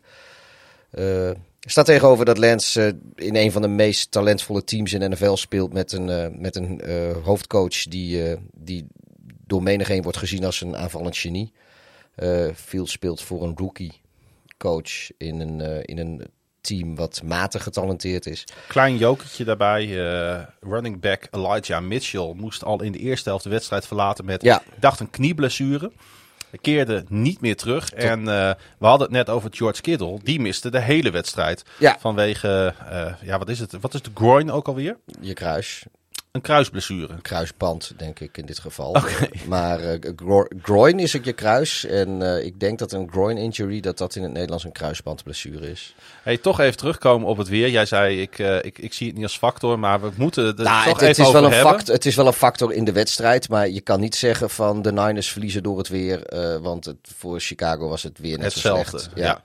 dat is waar. Ehm, ik ik, ik, ik las ergens de term dat er was nieuw Bermuda grass. Ja, eh, in ja. de, wat, maar kun je uitleggen voor de luisteraars wat, Be- en voor mij wat dat is? Nou, de, de mensen die pre-season wedstrijd op Soldier Field gezien hebben, die herinneren zich misschien nog wel hoe abominabel slecht de grasmat was. Eh, het was echt, echt een akker. Ze, ge- ze gebruikten altijd eh, Kentucky Bluegrass. hè? Ja, en eh, nou ja, goed, het, het was een akker. Er waren wat concerten geweest eh, vlak voordat, eh vlak voordat die pre-season wedstrijd was. En er waren nog wat concerten vlak voordat het reguliere seizoen zou beginnen. Eh, de Chicago Fire, die ook op Soldier Field speelt, die zijn zelfs weer terug verhuisd naar hun oude stadion. Oh. Omdat zij de afgelopen periode vertikten om op Soldier Field te spelen. Omdat gras gewoon echt niet te doen was. En, maar er lag al de hele tijd in de planning om een week voor eh, de seizoensopener eh, nieuwe grasmat te leggen. En het moest Bermuda grass worden, want dat is heel kort en heel. dat kan je ook eigenlijk direct na het leggen kun je daarop spelen. Ehm met Eberfloes was er heel enthousiast over, want schijnt, je schijnt er heel snel op te kunnen spelen. In tegenstelling tot eh, inderdaad die eh, Kentucky Bluegrass die ze altijd op Soldier Field hadden liggen, die het veld wat langzaam maakte. Ehm, ja, maar er kwam uiteindelijk eh, helemaal niks van terecht. Er waren goede bedoelingen, maar er is een monsoon overheen gekomen vlak voor de wedstrijd. En ook eh tijdens... Zelden vertoond in Chicago, denk ik. Nou ja, de, Met sneeuw is het wel eens gebeurd, maar met regen? Nou ja, de, de, de, de, de, de, de ondergelopen kelders en eerste verdiepingen van huizen was niet van de lucht. Eh, Er stonden aut, aut, auto's tot aan hun assen op de parkeerplek. En het, het water stroomde in watervallen letterlijk van de tribunes af. Het was, het was bar en boos. Je kon op sommige momenten kon je maar 10, 20 meter ver kijken door, Ja. hoe, hoe hard het regende. In, niet alleen op Soldier Field natuurlijk, maar in de hele wijde omgeving. Het was, eh, Bijna onverantwoord om de wedstrijd te spelen. Met Ik- publiek. ik, ik vraag me af of, of zo'n wedstrijd, als het een voetbalwedstrijd in Europa was geweest, of die doorgaat. Ik weet het niet. Ik denk het niet. Maar ik heb het idee, eh, het leek wel een beetje of ze in Lake Michigan speelden in plaats van aan Lake Michigan. We hebben een titel voor deze aflevering. hey, ehm, eh, we gaan zo meteen nog wel heel kort even op die wedstrijd in. Maar ik wilde één bijzonder moment uithalen. Een toch wel hele eh, aparte penalty. Eh, ik dacht vlak voor eh, rust. Toen de holder een flag tegenkrijgt eh, omdat hij een handdoekje tevoorschijn haalde. En daarmee de, het, het, het stukje veld probeerde droog te maken waar de bal komt te liggen voor een field goal try. ja, We hebben het hier over, we gaan zijn naam even noemen, rookie Trenton Gill. En hij kreeg daar dus een, eh, een straf voor. Een sportsmanlike conduct penalty, 15 yard, dus ook meteen out field goal range. Ja. En eh, ja, de Bears bleven op nul punten. En daar gingen de, de, de felbegeerde puntjes voor de Chicago Bears. het die- was echt, ik, ik, Ja. ja. nou, ik zat die wedstrijd dus te kijken met, dan weet je eh, toch even niet wat je ziet. met, met Bas, ook wel bekend van de Russo Radio. De Russo Radio. En ja, ik moet eerlijk zeggen, ik, ik had. Achteraf wist ik eigenlijk wel dat je geen hulpmiddelen mag gebruiken om, om iets aan het veld te doen voor een field goal try. Dat, dat, eh, dat komt uit die tijd dat ze volgens mij een wedstrijd tussen de Patriots en de Raiders in de playoffs. Ze met, eh, volgens mij met sneeuwschuivers of zo, zo'n zo, zo, zo'n sneeuwschuifautootje nog snel even het veld op Ja. lieten rijden. Om precies de, de, het stukje voor de field goal en de aanloop eh, voor de kikker, eh Vinatieri toen volgens mij nog bij de Patriots, schoon te maken.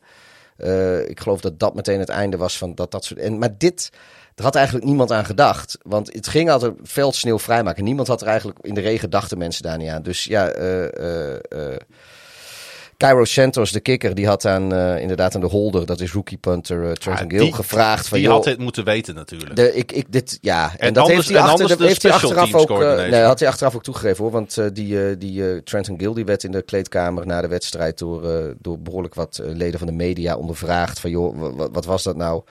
En dat vond ik wel mooi dat die Cairo Santos er naartoe stapt en zegt van joh luister, eh, ik vroeg hem dat te doen, Eh dit is mijn schuld, eh, daar, daar kan hij helemaal niks aan doen. En ja, Santos had het moeten weten. Ik vind als, je, hoeft, je hoeft niet alle regels te kennen. Maar ik vind dat je als NFL-speler wel eh, de regels moet kennen die voor jouw positie eh, van toepassing zijn of kunnen zijn. En in dit geval eh, ja, had hij eraan moeten denken. Het, hij heeft het niet gedaan. Ik, ergens kan ik me het ook wel voorstellen dat in het heetst van de strijd. En het sneeuwt niet. Hè? Het, is, het is regen. En eh, god, hij ziet dat, dat daar die handdoek is. Nou, fuck it, weet je. We gaan ieder, ieder voordeeltje pakken wat we pakken kunnen.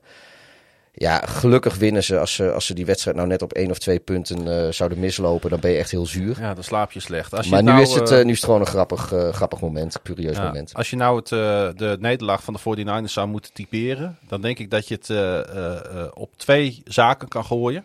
Allereerst, de, ik dacht bij elkaar opgeteld 100 penalty yards van de San Francisco 49ers. Ja, Dat, wat echt voor dit team heel erg veel is. En ze waren 1 uit 3 in de red zone.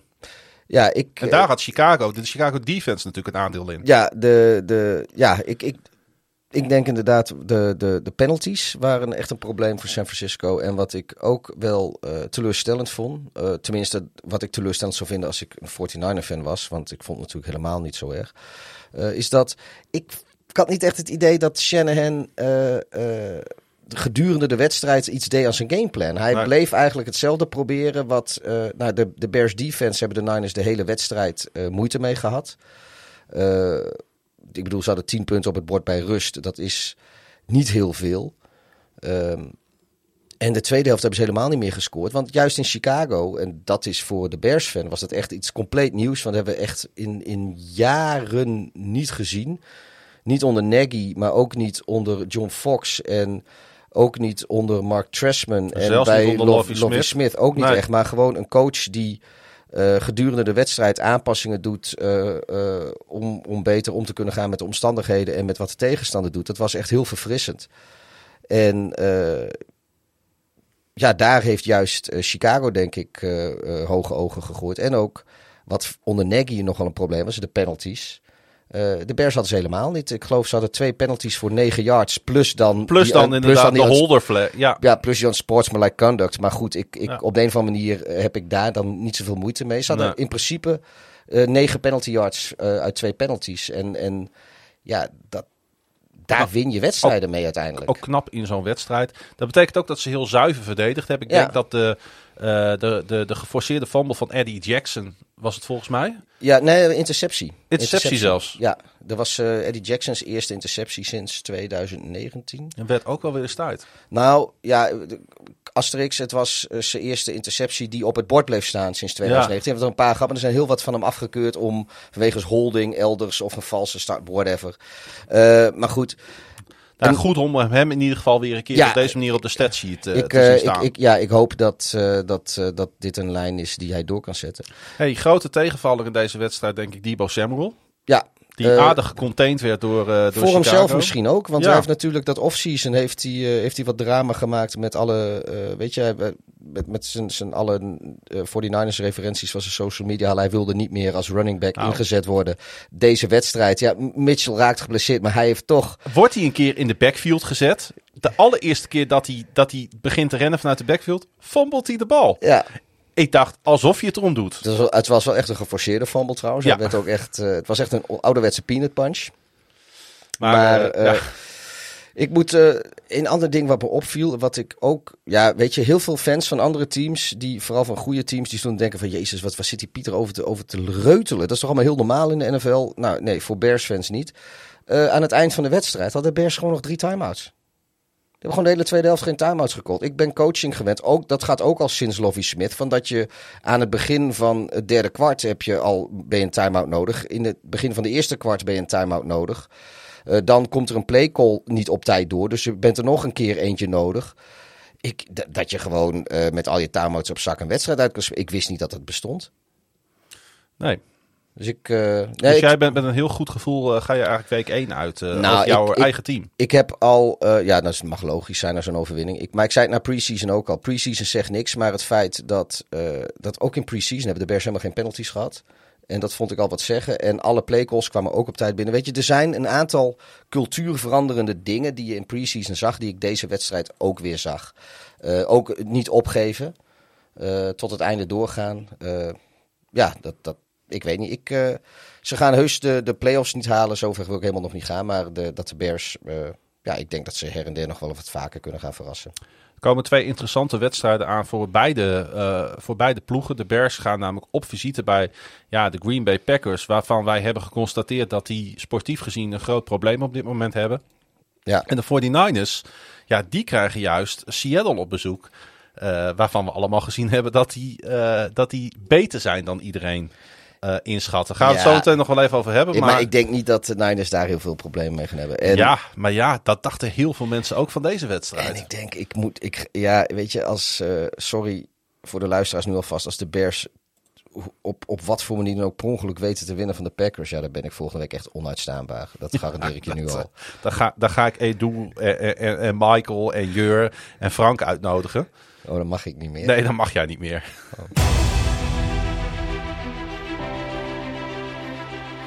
Ja, een team met Carson Wentz is als een nachtbaan. Je gaat langzaam omhoog, roetst keihard weer omlaag onderweg naar de volgende piek. Om vervolgens alle kanten opgesmeten te worden. En aan het eind van de rit weet je niet goed of je blij bent. Of misschien toch een beetje beroerd. Met maar liefst vier touchdown passes was hij verantwoordelijk voor alle gescoorde punten. Maar met twee intercepties in opeenvolgende plays, waardoor een 14-3 voorsprong bij rust slonk tot een 22-14 achterstand vroeg in het vierde kwart, was hij ook verantwoordelijk voor dat achtbaangevoel. Jahan Dodson ving de helft van de touchdown passes, Curtis Samuel en Terry McLaurin de andere twee. Ja, we hadden het al een beetje geconstateerd, Pieter, in de, in de preview-podcast. Die Washington Commanders die hebben een hele aardige receivergroep staan. Hè? Dat is eigenlijk eentje om je vingers bij af te likken. Hè? Ja, nou ja, en eh, meteen ook eh, vier touchdowns eh, voor, voor die boys. Ja, ja en, en, en dat had ik misschien niet zien aankomen. Maar dat Wentz de wapens heeft om wat neer te zetten in Washington dit jaar. Ja, Dat, heeft, dat is gelijk gebleken in de eerste wedstrijd. Nou, met de joker dat ze tegen de Jacksonville Jaguars speelden. Ja, en weet je, kijk, we weten allemaal dat. dat en dat deed hij ook. Weet je, Wentz heeft gewoon vier, eh vier touchdown passes gegooid. En de- dus ze waren ook eigenlijk allemaal prima, weet je. Dus, er zaten zelfs een paar echt hele mooie bij. Hmm. Dat je zegt van, nou, eh, dit is in een, in een, eh, in een vacuüm lijkt dat een beetje weer op, op peak Wentz uit zijn MVP-seizoenen, zeg maar. Of zijn MVP-kandidaatseizoenen. En dan gooit hij opeens twee intercepties achter elkaar. Maar ja, Wentz giveth, Back-to-back. Whence giveth, whence taketh away. En dat, dat doet hij dan ook, weet je. Ja, eerst, eerst gooit hij op een geweldige manier... Nou ja, 14-3 bij rust. Weet je, zeggen, gewoon prima voorsprong. Daar gooit hij gewoon naartoe. En, en hij gooit het gewoon net zo hard weg na rust. Het, Ik vond het wel grappig. Er stond een, en ook echt onnozele intercepties ook. nou ja, er stond een, eh, een, een eh, hoe noem je dat? Een eh, microfoon bij de bench van, van de Washington Commanders. En na de tweede ehm, eh, interceptie heeft Ron Rivera, naast Frank, de enige vriend van de show, gezegd: Hey, you're going to have to win this. En toen heeft We- Wens geantwoord met: I will. nou, dat heeft hij uiteindelijk dus ook gedaan. Eh, uiteindelijk heeft hij zeg maar die foutjes die hij heeft gemaakt Ja, hij heeft ook, weer goed gemaakt. Ja. Ja, en, en dan Maar er is, ja, tegen de Jaguars. En dan denk ik, is dat dan weer sustainable? Lukt je? Kijk, want ik, ik geloof er echt wel in met deze receivers en met deze quarterback in vorm. Dat de Commanders tegen bijna ieder team in de NFL eh, zo op een two-score of een twee-touchdown voorsprong kunnen komen. Maar als je dan vervolgens die voorsprong weer weggeeft.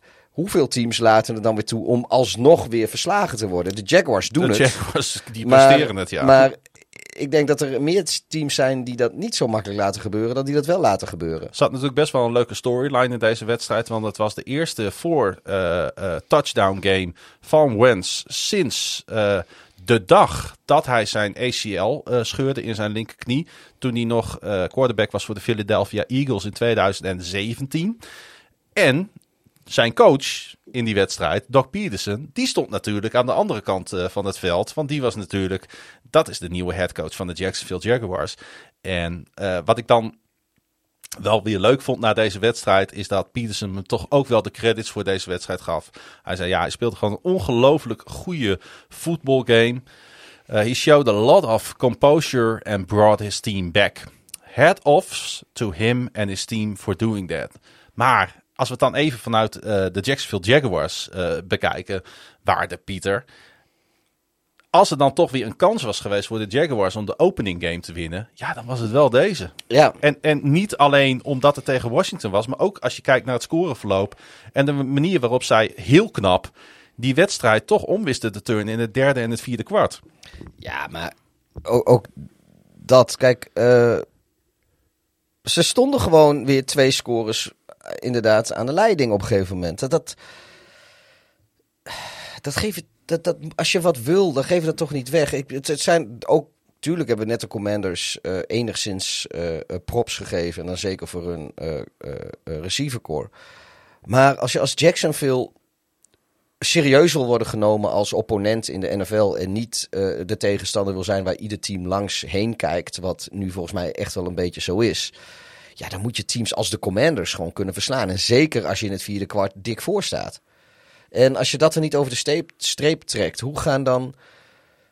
Tuurlijk, de Jaguars gaan echt geen 0-17. Dat, daar, dat, daar geloof ik ook niet in. Maar uh, ja, op basis van deze wedstrijd. Uh, denk ik niet dat heel veel mensen hun uh, negatieve beeld van de Jaguars bij gaan stellen. Dat uh, vrees ik inderdaad ook. Uh, ik wil één speler er graag uitliggen bij de, uitlichten, moet ik zeggen, bij de, bij de Washington Commanders.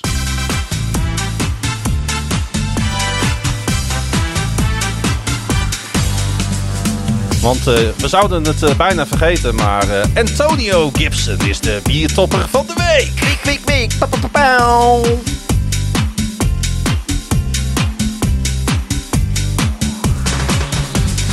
Want ik uh, begin toch wel ongelooflijk fan te worden van, uh, van deze speler. Ik weet niet hoe het met jou zit, maar als je fantasy voetbal speelt, ik zou hem in mijn team willen hebben.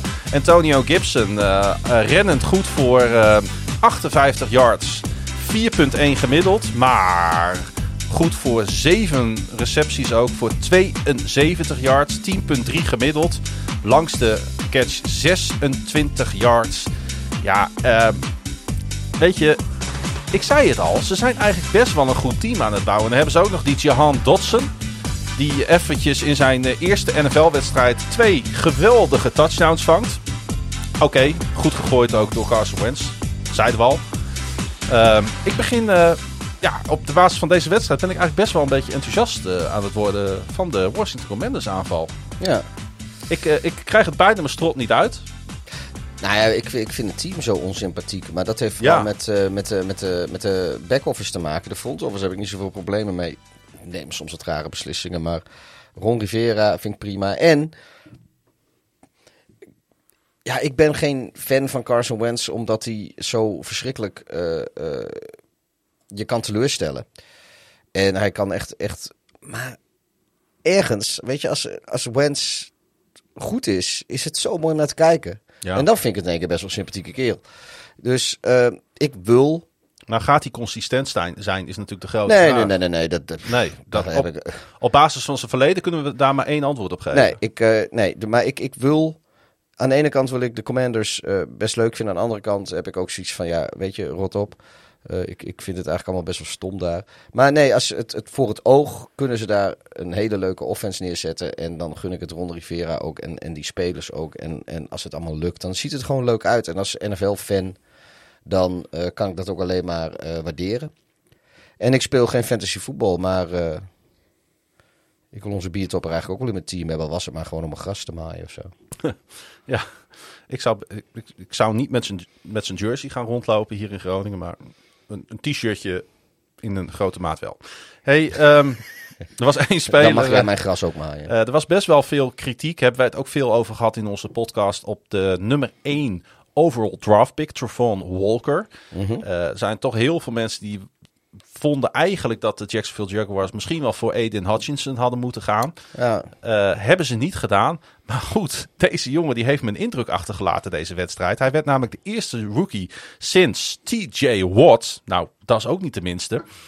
ehm, eh, die een interceptie en een sack in zijn NFL-debuut noteert. Een mooie interceptie ook trouwens. Ja, Ja, atletisch hoor. Ongekende schoonheid, eh, inderdaad. Ik heb volgens mij iedere spier in mijn lichaam verrekt door er alleen om naar te kijken. Ja. Ik- en hij heeft het moeten doen. Ja, ik vond het echt, eh, ik vond echt fantastisch. Ehm, eh, wat was het ook weer? Oh ja, eh, mooi vond, eh, vond ik, ik hoorde een verhaal achteraf dat hij schijnt toen hij op trainingskamp zijn allereerste interceptie noteerde, heeft hij zijn vader gebeld. Is hij weggelopen. Is hij naar de eerste, de beste telefoon gelopen. Heeft hij zijn vader gebeld en zegt, ik heb een interceptie gemaakt. Dat ga ik in de eerste echte wedstrijd ga ik dat ook doen. Nou, eh, Nou. ik vind het wel leuk dat, dat je dan daad bij, bij woord voegt. Dat vind Ik ook. je kan je vader wel van alles beloven, maar als je het dan niet doet, dan ben je eigenlijk ook maar gewoon een slappe zak. Een andere signing waar veel kritiek op is geweest. Michael Feit heeft dat best wel goed weerlegd, vind ik. Die heeft dat in in een goede context geplaatst. Was natuurlijk de signing van Christian Kirk. Maar goed, de beste man eh, had best wel een sterke start. Met eh, zes catches van voor 117 yards, waarvan één eh 49er, 49-yarder. In zijn eh, eerste wedstrijd natuurlijk met dit team. Hij tekende voor 72 miljoen dollar en vier jaar bij Jacksonville. Eh, een team dat, ja, er is geen team. En, en dat zei, zei, zei Michael natuurlijk ook in die, in die aflevering. Jacksonville moet het wel neerleggen. Anders komen spelers gewoon domweg niet naar, naar Florida. Hè? Maar goed, Ja. het lijkt erop dat beide teams, eh, die natuurlijk niet hele sterke jaren achter de rug hebben, wel een klein beetje uit het dal omhoog aan het klimmen zijn. Vind jij dat ook? En Washington iets meer, denk ik, dan Jacksonville. Nee, is iets meer talent Ik, aanwezig. ik vind het nog een beetje vroeg, want tenslotte spelen ze ook tegen elkaar. En het is best wel lastig om gelijk te spelen in de NFL. Dus de winnaar hadden we misschien sowieso wat post. Ik weet het niet hoor. Dit, ik, ik, ik wil deze teams wil ik eigenlijk gewoon consistent eh, goed zien spelen eh, tegen goede teams.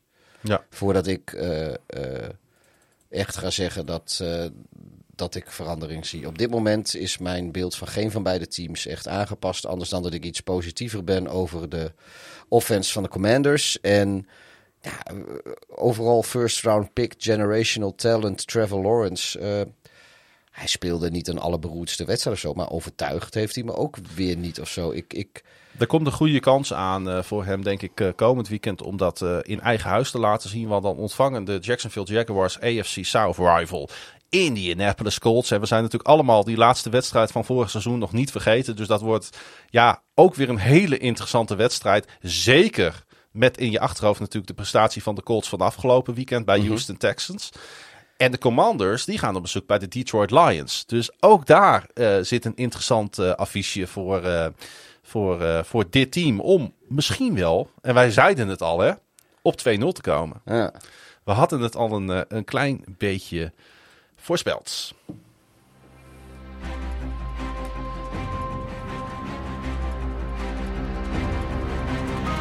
Met drie schitterende touchdown passes liet Lamar Jackson, Lamarvelous, de twijfelaars en de Haarters zien dat hij ook dit seizoen weer dominant kan zijn. Uiteindelijk smeet hij 213 yards bij elkaar met 17 succesvolle passes uit 30 pogingen. Over de grond deed hij het wat rustiger aan. Slechts 6 rushes voor 17 yards. Cijfers die misschien meer bij Tom Brady dan bij Lamar Jackson passen. Maar meer was ook niet nodig tegen deze Jets. Joe Flacco, die vanwege de blessure van Zach Wilson startte tegen zijn oude team, was weinig indrukwekkend. Met maar liefst 59 pass attempts werd er ook wel heel veel van hem gevraagd. 60 pass attempts in een wedstrijd komt al niet veel voor. Maar als je je bejaarde backup quarterback dit laat doen, kan je toch vraagtekens zetten bij de gameplanning. Ja, statistieken kunnen bedriegen, hè, uh, Pieter. Ja. Als het om deze wedstrijd gaat, in ieder geval kun je dat best wel uh, goed zien. Ja, ik, ik, ik zat even naar de, uh, naar de karakteristieken en de statistieken van deze wedstrijd te kijken. Want ik heb ja, dit natuurlijk ook alleen maar meegekregen via, via Red Zone. Via Red Zone. En ja, buiten de scores heb je er, werd er ook eigenlijk weinig van deze wed wedstrijd in Red Zone uitgezonden of gezegd. Um, ja, ik zat, dat, ik zat deze wedstrijd natuurlijk met, uh, met, uh, met Janiek te kijken. Mm Zoals ik vertelde aan het begin van deze aflevering. Een New York Jets fan. En die zei, het is frappant hoe je zo'n wedstrijd tegen de Ravens speelt. Want je hebt de hele wedstrijd door heb je het idee dat je soort van redelijk in de wedstrijd zit. Je komt in drives ook best wel ver. De Ravens hebben een paar keer een uh, big chunk running play bijvoorbeeld opgegeven tegen die toch wel hele goede running backs van de Jets. En dan lukt het op het eind toch niet om tegen de Ravens, met die sterke secondary die daar staat, om het af te maken. Sterker nog, je verliest gewoon de bal. Op het moment suprem weten de Ravens op de een of andere manier iedere keer toch die stop te forceren. En uiteindelijk uh, hebben ze nog een, een, garbage time touchdown hebben ze toegestaan. Anders was dit gewoon 24-3 geworden. Ja. Nou, maar goed, die, ja, die statistieken ook inderdaad. Uh, de de passing yards zijn er 211 tegen 295 voor de Jets. Ja. De Ravens hebben 63 rushing yards tegen over 83 voor de Jets. Slechts 13 first down voor Baltimore, maar 24 voor de Jets. En ook de time of possession, uh, 27,5 minuut voor Baltimore en 32,5 minuut logischerwijze dan voor New York. En dat zijn eigenlijk, als, als je in die vier statistieken, time of possession, uh, het aantal first downs, de rushing en de passing yards, als je daar in al die statistieken aan de leiding gaat, meestal win je dan de wedstrijd wel. Maar in dit geval, uh, ja, dus niet. En het, is ook, het was niet eens close. Uh, het is net alsof uh, uh, deze Ravens tegen deze Jets maar eventjes hoeven aan te zetten om zo'n wedstrijd makkelijk te winnen. En ik ja. vond dat uh, John Harbaugh, de hoofdcoach van de Baltimore Ravens, het eigenlijk het beste samenvatte na de wedstrijd. Hij zei: He played a patient veteran quarterback game. He was in control of everything. En dat is het. De, de rust die op de een of andere manier Lamar Jackson toch kan uitstralen. Van het komt wel goed. Ik ga gewoon een paar keer in de wedstrijd ga ik een wereldpaas gooien. Als het nodig is, doe ik het met mijn benen. Maar als het niet nodig is, liever niet. En het was in deze wedstrijd niet nodig. Um, en, en, en er was heel veel kritiek natuurlijk op de, uh, uh, en ook wel terecht, op de wide receiver corps van Baltimore.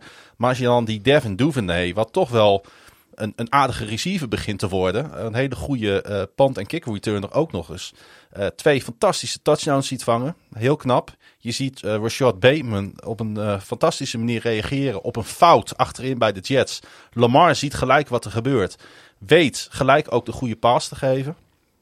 Ja, als, als je dat in je team hebt, dat inzicht, die, ik noem dat maar even, quarterback intelligentie. Ja. Ja, dan kun je dus door niet uitblinkend te spelen, heel makkelijk van een toch wel matig team, wat natuurlijk in opbouw is, uh, winnen. Ja, nou, de, de, de, de Jets die, die kwamen inderdaad niet heel erg sterk voor de dag. Uh, nu hadden ze, mis, of hadden ze, ze misten uh, Zach, Zach Wilson.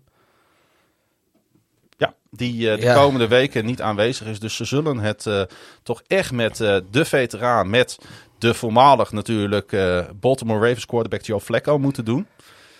Maar daar gaan ze geen wedstrijden meer winnen hè, als, het zo, uh, als ze zo doorgaan. En af en toe zie je wel flesjes, weet, weet je wel, bij wat hij in huis had. En wat hij dus af en toe nog in huis heeft.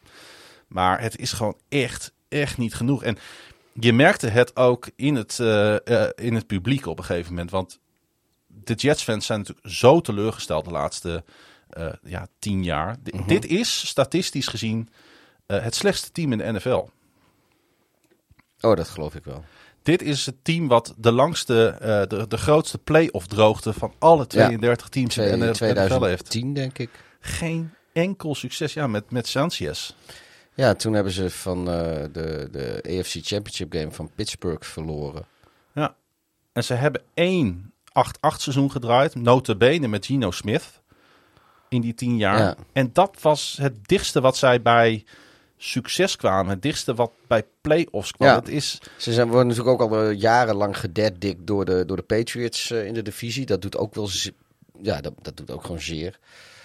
Eh, was natuurlijk ook enige emotie aanwezig in het stadion. Dat is, eh, 11 het was september, natuurlijk 11 september, de- juist in New York. eh, eh, dat was ook eh, was een prachtige ceremonie voor de wedstrijd. Dat moet gezegd worden, zijn ze natuurlijk hartstikke goed in, eh, in Amerika.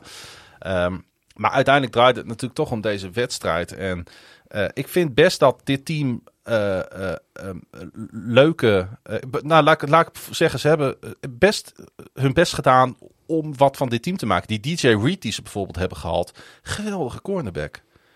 Fantastische, van, fantastische interceptie ook. Want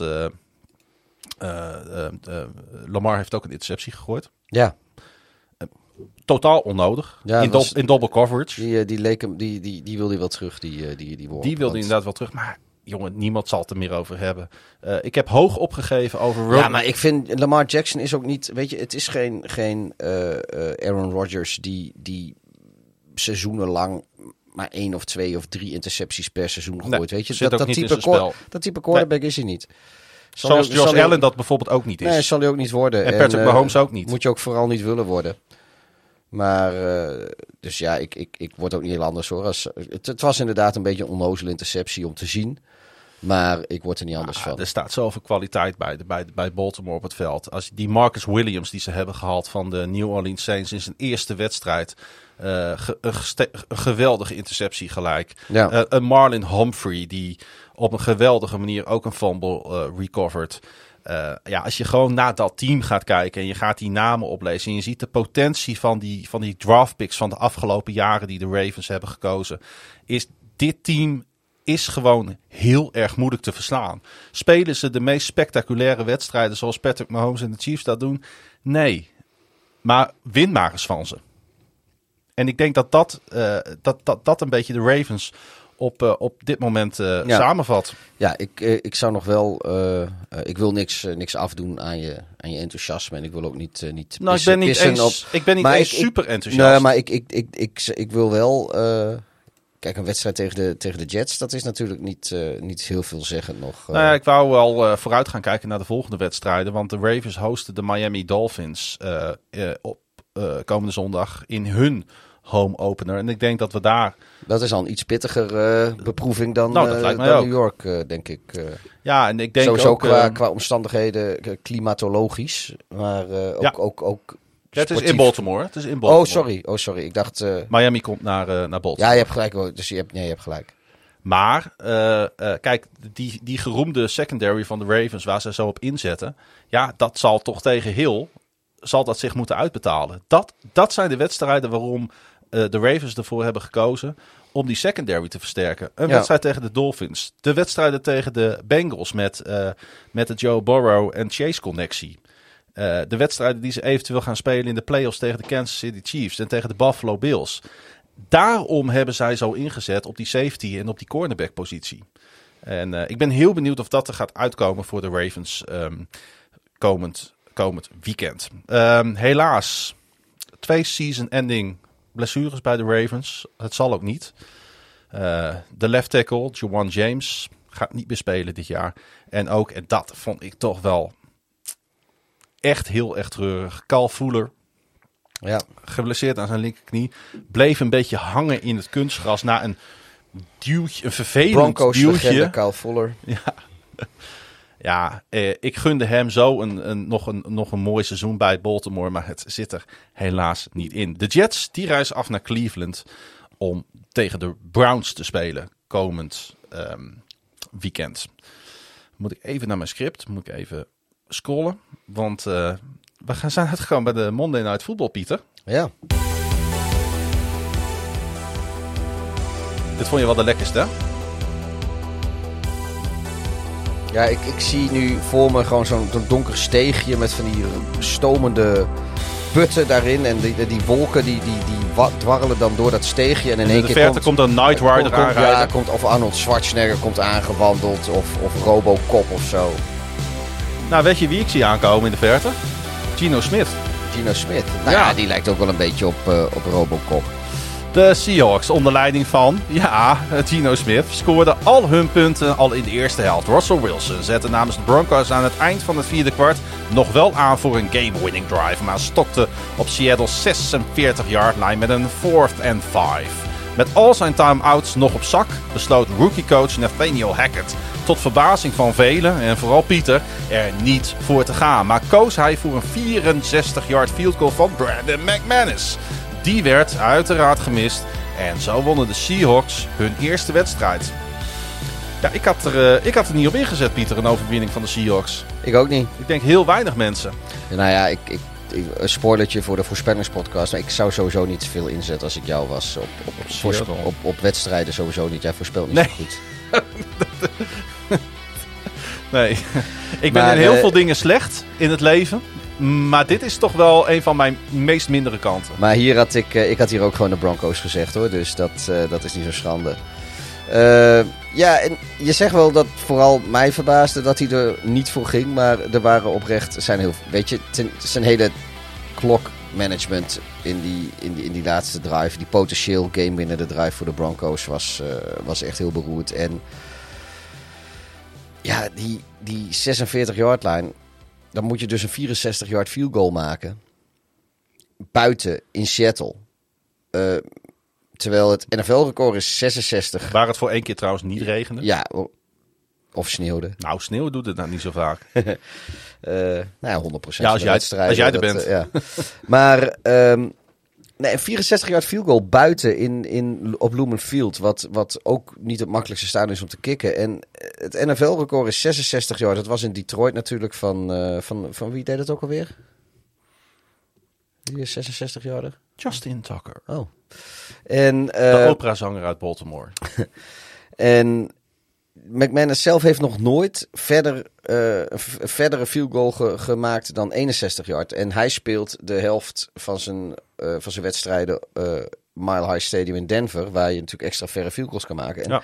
Dus hoezo denk je dan dat, je, dat, je, dat het verstandiger is om een 64 yarder buiten te doen in plaats van je hebt fucking Russell Wilson als quarterback, heb je je, je, je complete future opge, opge, opgebankt met, met draft picks en weet ik wat allemaal heb je weggegeven aan Seattle om, om die quarterback maar te kunnen halen. En dan vertrouw je hem gewoon niet een fourth and five toe om dat even te converten tot een nieuwe first down. Dan denk je dat, het, dat, dat de kans dat je kikker buiten in een vreemd stadion eh, eh, drie yards verder dan zijn absolute record eh, een field goal gaat maken, dat die kans groter is. Dat, dat, dat, dat is toch niet gek dat ik daar heel, heel, Nee, heel veel niet. twijfels bij heb. Nee, ik, eh, ik, ik kan, ik kan er geen spel tussen krijgen, Pieter. Maar goed, dat, eh, ja, Maar eh, laat ik dan eh, een andere kritische noot proberen te kraken en neer te leggen hier. Het had natuurlijk nooit zo ver mogen komen voor de Den- Denver Broncos, die een veel getalenteerde roster hebben. oh, nee, dat, dat sowieso. Dat sowieso. Die gewoon geen goede wedstrijd hebben gespeeld. En ja, ik wil het ook. Het is ook niet McManus die hier de wedstrijd verliest hoor. Ik vind het dat. Nee, ik, en, en, maar ik vind ook niet per se dat Nathaniel Hackett hier de wedstrijd verliest. Want eh, het feit dat hij een rookie headcoach is, betekent ook niet alles. We hebben rookie headcoaches in Minneapolis, eh, in Nashville, geweldige wedstrijden zien winnen met hun beslissingen. In Chicago. Dus eh, het is niet per se dat feit. Maar ik denk dat er.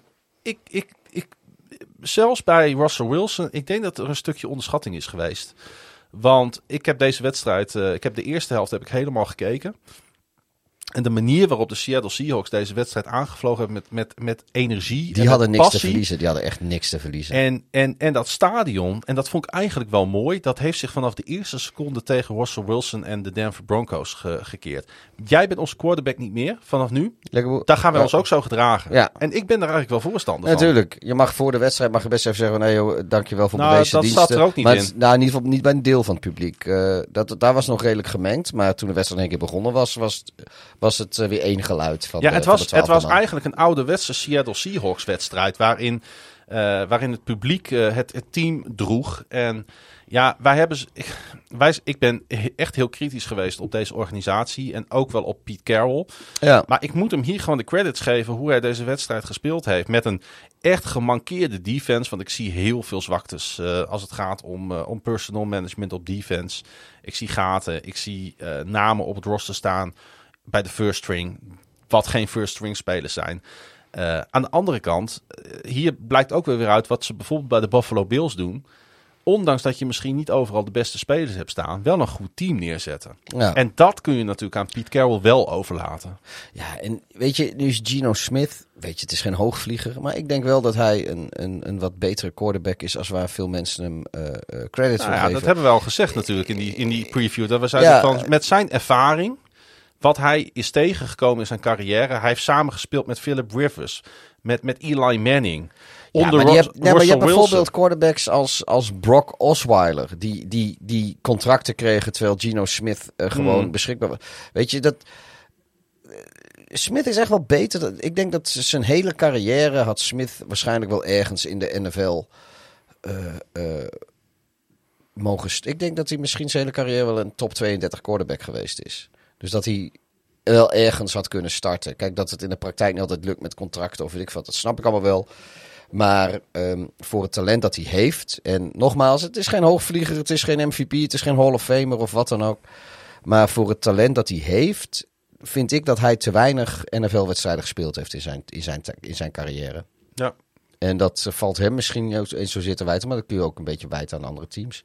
Wat ik zeg, eh, als er spelers als Brock Osweiler wel gewoon kunnen starten. Of weet ik veel. Dat ze, wat, wat hadden ze daar toen in, eh, in, in Detroit bijvoorbeeld staan? Die, die Blof, of Bla, Bla, hoe heet die? David Blaw, Bla. die eh, het helaas dit jaar niet heeft gered als backup quarterback Nee, eh, voor maar, de maar, nee, maar goed, dat... dat Maar hij is ik- ook niet heel goed. Ik denk, ja, maar, ja, nou goed, hij is nu starter, maar ja, ik, ik, nee, ik, vind, eh, ik vind Geno Smith, ik hoop dat hij een eh, heel leuk seizoen gaat krijgen in Seattle. Ja, nou goed. eh, het zou kunnen dat Pete Carroll dan toch een klein beetje gelijk krijgt. Met dat hij zegt dat hij met dit team best wel wat kan.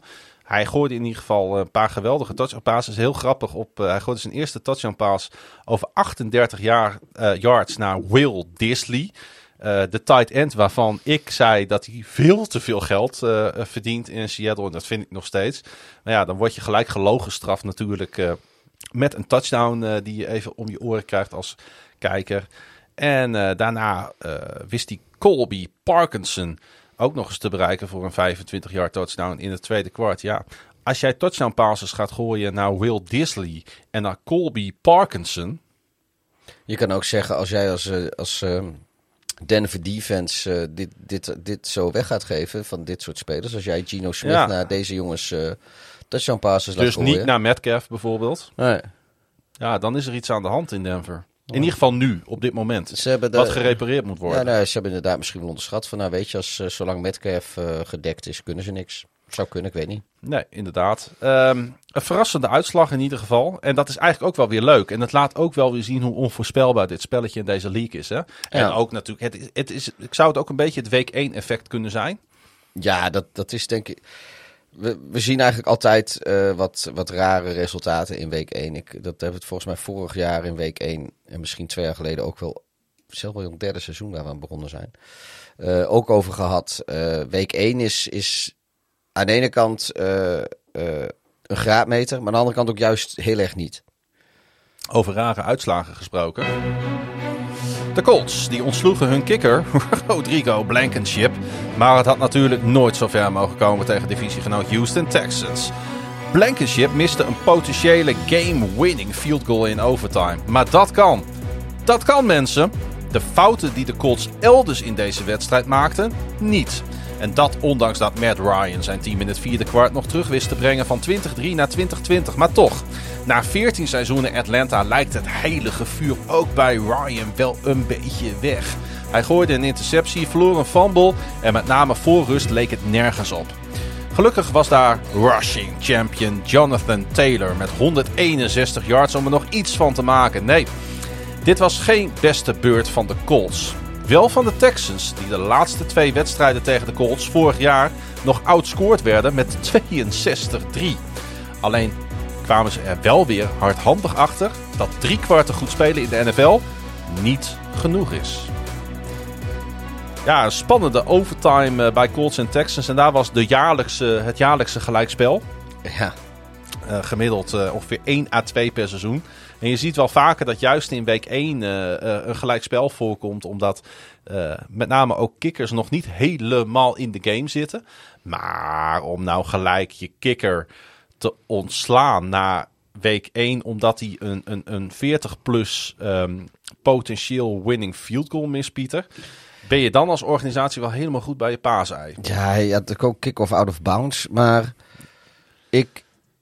Ja, nu moet ik zeggen, ik heb niet de, de Colts eh, altijd eh, intensief gevolgd. Maar ik had altijd van Blankenship het idee dat dat gewoon een, een prima kikker was. Ja, ik ook. Eh, geen Hall of Famer of zo, weet je. Maar ja, een, een kikker waar je als, als organisatie gewoon tien jaar mee kan doen of zo in de NFL. Die, die, je hoeft hem niet te veel te betalen. Je betaalt hem gewoon een gemiddeld salaris. En hij, hij kan een keer een, een field goal missen. Maar de meeste zal hij voor je raak schieten als je hem in positie brengt eh, voor een game-winning kick.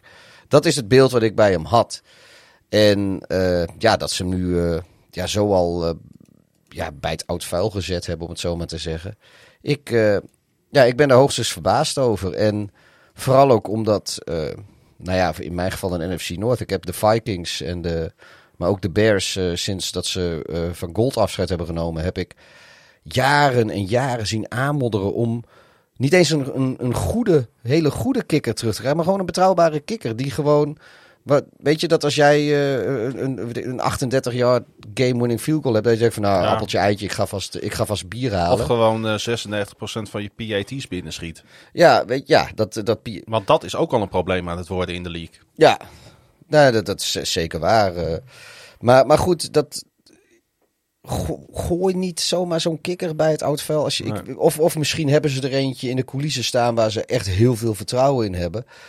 Maar ehm, nee, ik denk dat eh, er zijn ongetwijfeld meer voorbeelden van teams die, eh, die een kikker wegdoen en dan later tot ontdekking komen dat, dat ze dat misschien niet hadden moeten doen. Want ja, gooi je oude schoenen niet weg voordat je nieuwe hebt. En, en, en zeker een kikker niet omdat hij in een aantal wedstrijden even, even teleurstelt. Ja.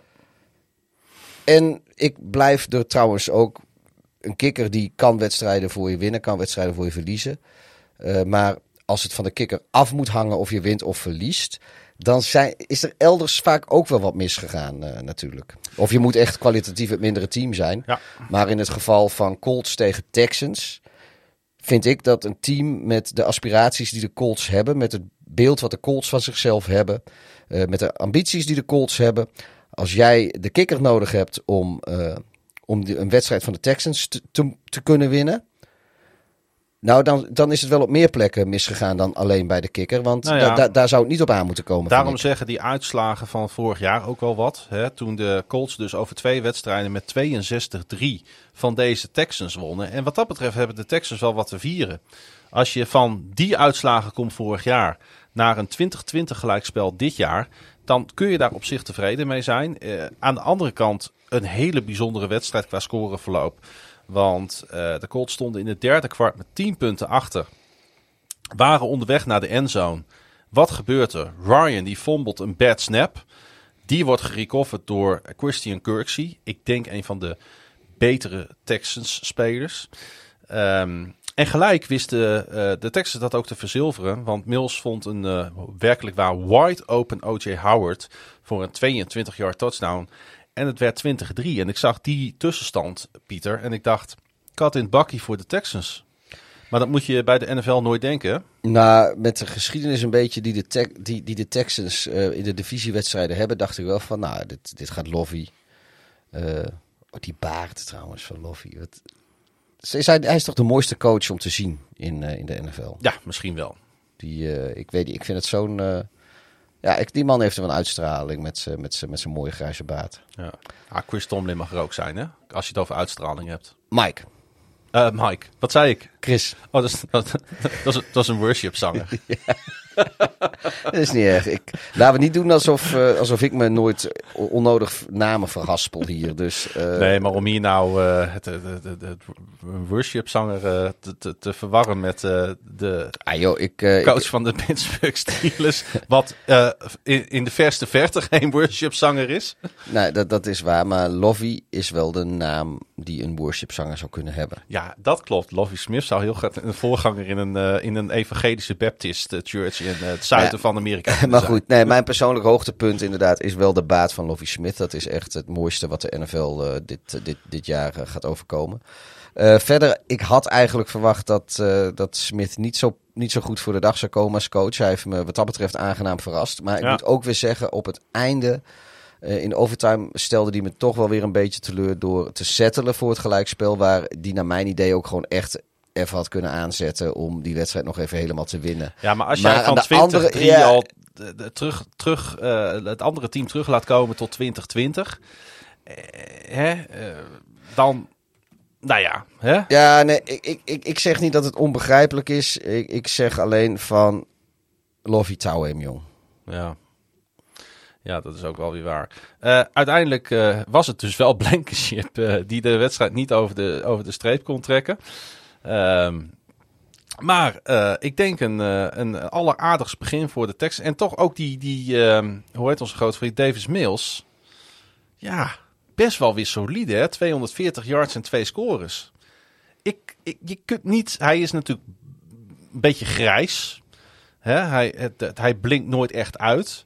Maar zijn ondergrens is niet zo laag, hè? Nee. Dus ik denk dat dit voor deze Texans, die natuurlijk in een, in, ja, in een soort van beginstadium van het opbouwen naar iets nieuws, eh, de, beste, de beste man op, de, op deze plek is. Ja, en weet je, hij is een, een, een, hele goede eh, teammanager. En, en eh, hij kan ook echt heel goed een cultuur neerzetten in, in een kleedkamer. En dat, dus wat dat betreft is het denk ik wel echt een, een, een, een snuggere, snuggere zet. Eh, het is ook wel grappig dat eh, Eberfloes, die nu de hoofdcoach is van de Bears, die zegt ook van bijna al zijn cultuurdingen. Die, al zijn dingen die hij heeft om cultuur neer te zetten of, of een cultuurverandering teweeg te brengen, heeft hij allemaal weer geleerd van Lovie Smith. Want die gaan natuurlijk ook weer terug. Eigenlijk is Eberfloes iemand een beetje uit de Lovie tree, om het zo maar te zeggen. En ja, je ziet, je ziet dat ook wel. Ik zit naar die tijd te kijken. Ja, oh. gaat helemaal verkeerd dit. Ja, dat, dat, Al onze goede voornemens. ja, daar is helemaal niks van over. Dat zei ik net ook al. Het Moet je, gaat helemaal moet je, naar je, moet, je, moet je naar je WhatsApp kijken. Oh, moet ik naar mijn WhatsApp kijken? Heb Ja. jij mij steeds allemaal waarschuwingen gestuurd? Ik heb jou, eh, ik heb jou al weet ik hoe lang geleden gestuurd dat we 10 minuten gemiddeld per wedstrijd doen. En Oh. dat we nog acht wedstrijden te gaan hebben en al bijna twee uur bezig zijn. Het is... Wat dat, nou ja, goed. We- we moeten dit ook leren. Ja. Maar, maar hoe? Hoe gaan wij het Weet voor ik elkaar- niet. Hoe gaan wij dit voor elkaar krijgen? Zullen we gewoon naar de volgende wedstrijd gaan dan? Zullen, zullen we dat maar gewoon doen? Ah, we hadden zo 50 punten kunnen scoren. Ja, we speelden tegen een goed team. Maar we hebben onszelf vooral in de voet geschoten. Woorden opgetekend uit de mond van Jared Goff, wiens team tegen de Eagles geen 50 punten scoorde, maar slechts 35. Ja, gedurfde spelopvatting, strijd tot het eind. De Lions leken in bijna alles op het team dat vorig jaar van veel NFL-fans de harten stal met hartverwarmende inzet. Helaas was in elk geval deze week ook de pech, de net niet, misschien wel het tekort aan kwaliteit als van ouds. Maar een optimist zou, geheel terecht, zeggen dat er vorig jaar nog met 44-6 van de Eagles werd verloren. Dus, er is progressie. Ja, zit in de lift. Ja, een van de meest likable teams in de NFL, Pieter. De Detroit Lions. Eh, ik denk dat ook Hard Knocks hun eh, in dit geval veel goeds heeft gedaan. Bij, eh, bij de gemiddelde NFL-volger die dat heeft gekeken. Ja. Maar het is weer net niet. Weer druipen de mensen op Ford Field af met een, een nederlaag. En dan komen ze in dat treurige, troosteloze, grijze Detroit. en dan kijken ze om zich heen en dan zeggen ze tegen elkaar: waarom doen wij dit? wat wij ook wel eens bij FC Groningen hebben. Ja, het, het is Alleen, alleen... onze stad is iets minder troosteloos. Nee, vor- vorig jaar was het natuurlijk echt een kansloze exercitie daar, eh, daar in Detroit. eh, toen, eh, toen ze, of, to- tegen Philadelphia, laat ik het zo zeggen. Maar nu. Ja, ze, het, het, ze hebben voorgestaan. Ze zijn wat teruggekomen. Weer net niet. Ehm, ik kan me wel voorstellen dat als je Lions fan bent. dat je dan denkt: van ja, we komen wel dichter. Maar aan de andere kant. Vorig jaar hebben ze ook heel veel van dit soort wedstrijden gespeeld. Weet je, dat ze echt redelijk wat punten op het bord zetten. Of in ieder geval mee kunnen komen met, eh, met de punten die de tegenstander op het bord zet. Maar aan het eind van de rit komen ze gewoon wel weer tekort. En Ik heb het Eh, idee dat zij iedere keer in een wedstrijd, en hadden ze vorig jaar ook, hebben zij van die momenten dat, eh, dat het even helemaal weg is. En dat was dat tweede kwart, was dat eh, volgens mij deze wedstrijd. Dat de Eagles, weet ik veel, eh, hoeveel punten scoorden ze? Iets van eh 21, 24 punten in, in één kwart. En eigenlijk was de wedstrijd daarmee gedaan. Want het was niet alsof het steeds stuiveltje wisselde. nee, het was, bijna ono, het was bijna onoverbrugbaar. eh, of het was, ja, het was ook onoverbrugbaar geworden. Ja. Hey, die Hurts, hè? Ehm, die weet eigenlijk met alles wel eh, een play te maken. Of het nou zijn benen is, of het nou zijn armen zijn, of zijn hoofd. Ja, Het, het, het is, het is wel een multitalent, hè? Ja, ik denk dat hij in eh, heel veel dingen best wel goed is. Ik denk dat hij in geen van de dingen het beste is. En, eh, maar dat maakt niet uit, want het Nee. maakt hem juist wel weer heel compleet. En dat maakt het volgens mij voor tegenstanders ook echt lastig om tegen hem te spelen. Eh, het is niet iemand die het alleen van zijn voeten moet hebben of die het alleen van, nou ja, goed, eh, van wat dan ook moet hebben. Hij, hij kan eigenlijk alles, eh, kan hij wel, wel, wel behoorlijk. En nou heeft hij met Brown heeft hij ook nog eens een fantastische receiver tot zijn beschikking. Hij legde een prachtig paas over 54 yards in, in de handjes van, van Brown. Waardoor de Eagles nog net voor rust een eh, 24-14 eh, voorsprong wisten te behalen. Ja, en ik denk dat daar toch ook wel een beetje de wedstrijd gewonnen is. Plus het feit dat hij, ehm, dat hij ook zijn, zijn, zijn picks een beetje eh, naar beneden aan het bijstellen is. Ja. Ehm, Ondanks dat hij Ook- best wel risicovol ook, ja. kan spelen af en toe. Ook, ook hier zeg ik wel weer week 1 tegen de Lions. Eh, hold your horses, eh, calm your tits. Weet nog niet of, of dit voor beide teams representatief gaat zijn. Ehm, ja, er, er zit, het is wel een voortzetting, denk ik, van de lijn die, die Hurts afgelopen jaar ingezet heeft. Eh, maar wat ik zeg, één, één wedstrijd tegen de Lions, waarvan we ook nog maar moeten zien hoe goed ze zijn. Want eh, ze waren, wat je al aanstipte terecht, het Hard Knocks team.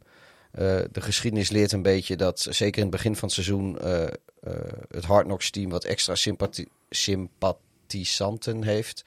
En eh, daardoor ook vaak wat hoger ingeschat wordt dan, dan misschien realistisch is. Zeker als de eh Hard Knocks uitzendingen leuk waren en de mensen sympathiek. En dat was natuurlijk in Detroit eh, het geval. We moeten het even afwachten. Ik,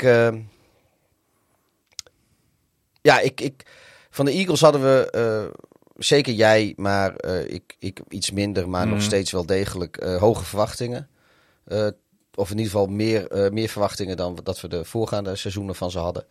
Ehm, met een winst hebben ze dat eh, enerzijds waargemaakt. Aan de andere kant, eh, ik vind met drie punten verschil en 35 punten weggeven tegen Detroit, weet ik niet of ik daar eh, ehm, iets mee moet doen wat betreft die verwachtingen. Of misschien is Detroit inderdaad wel heel goed. Dat, dat, dat, ik weet het niet. Ik, ik neig een beetje naar dat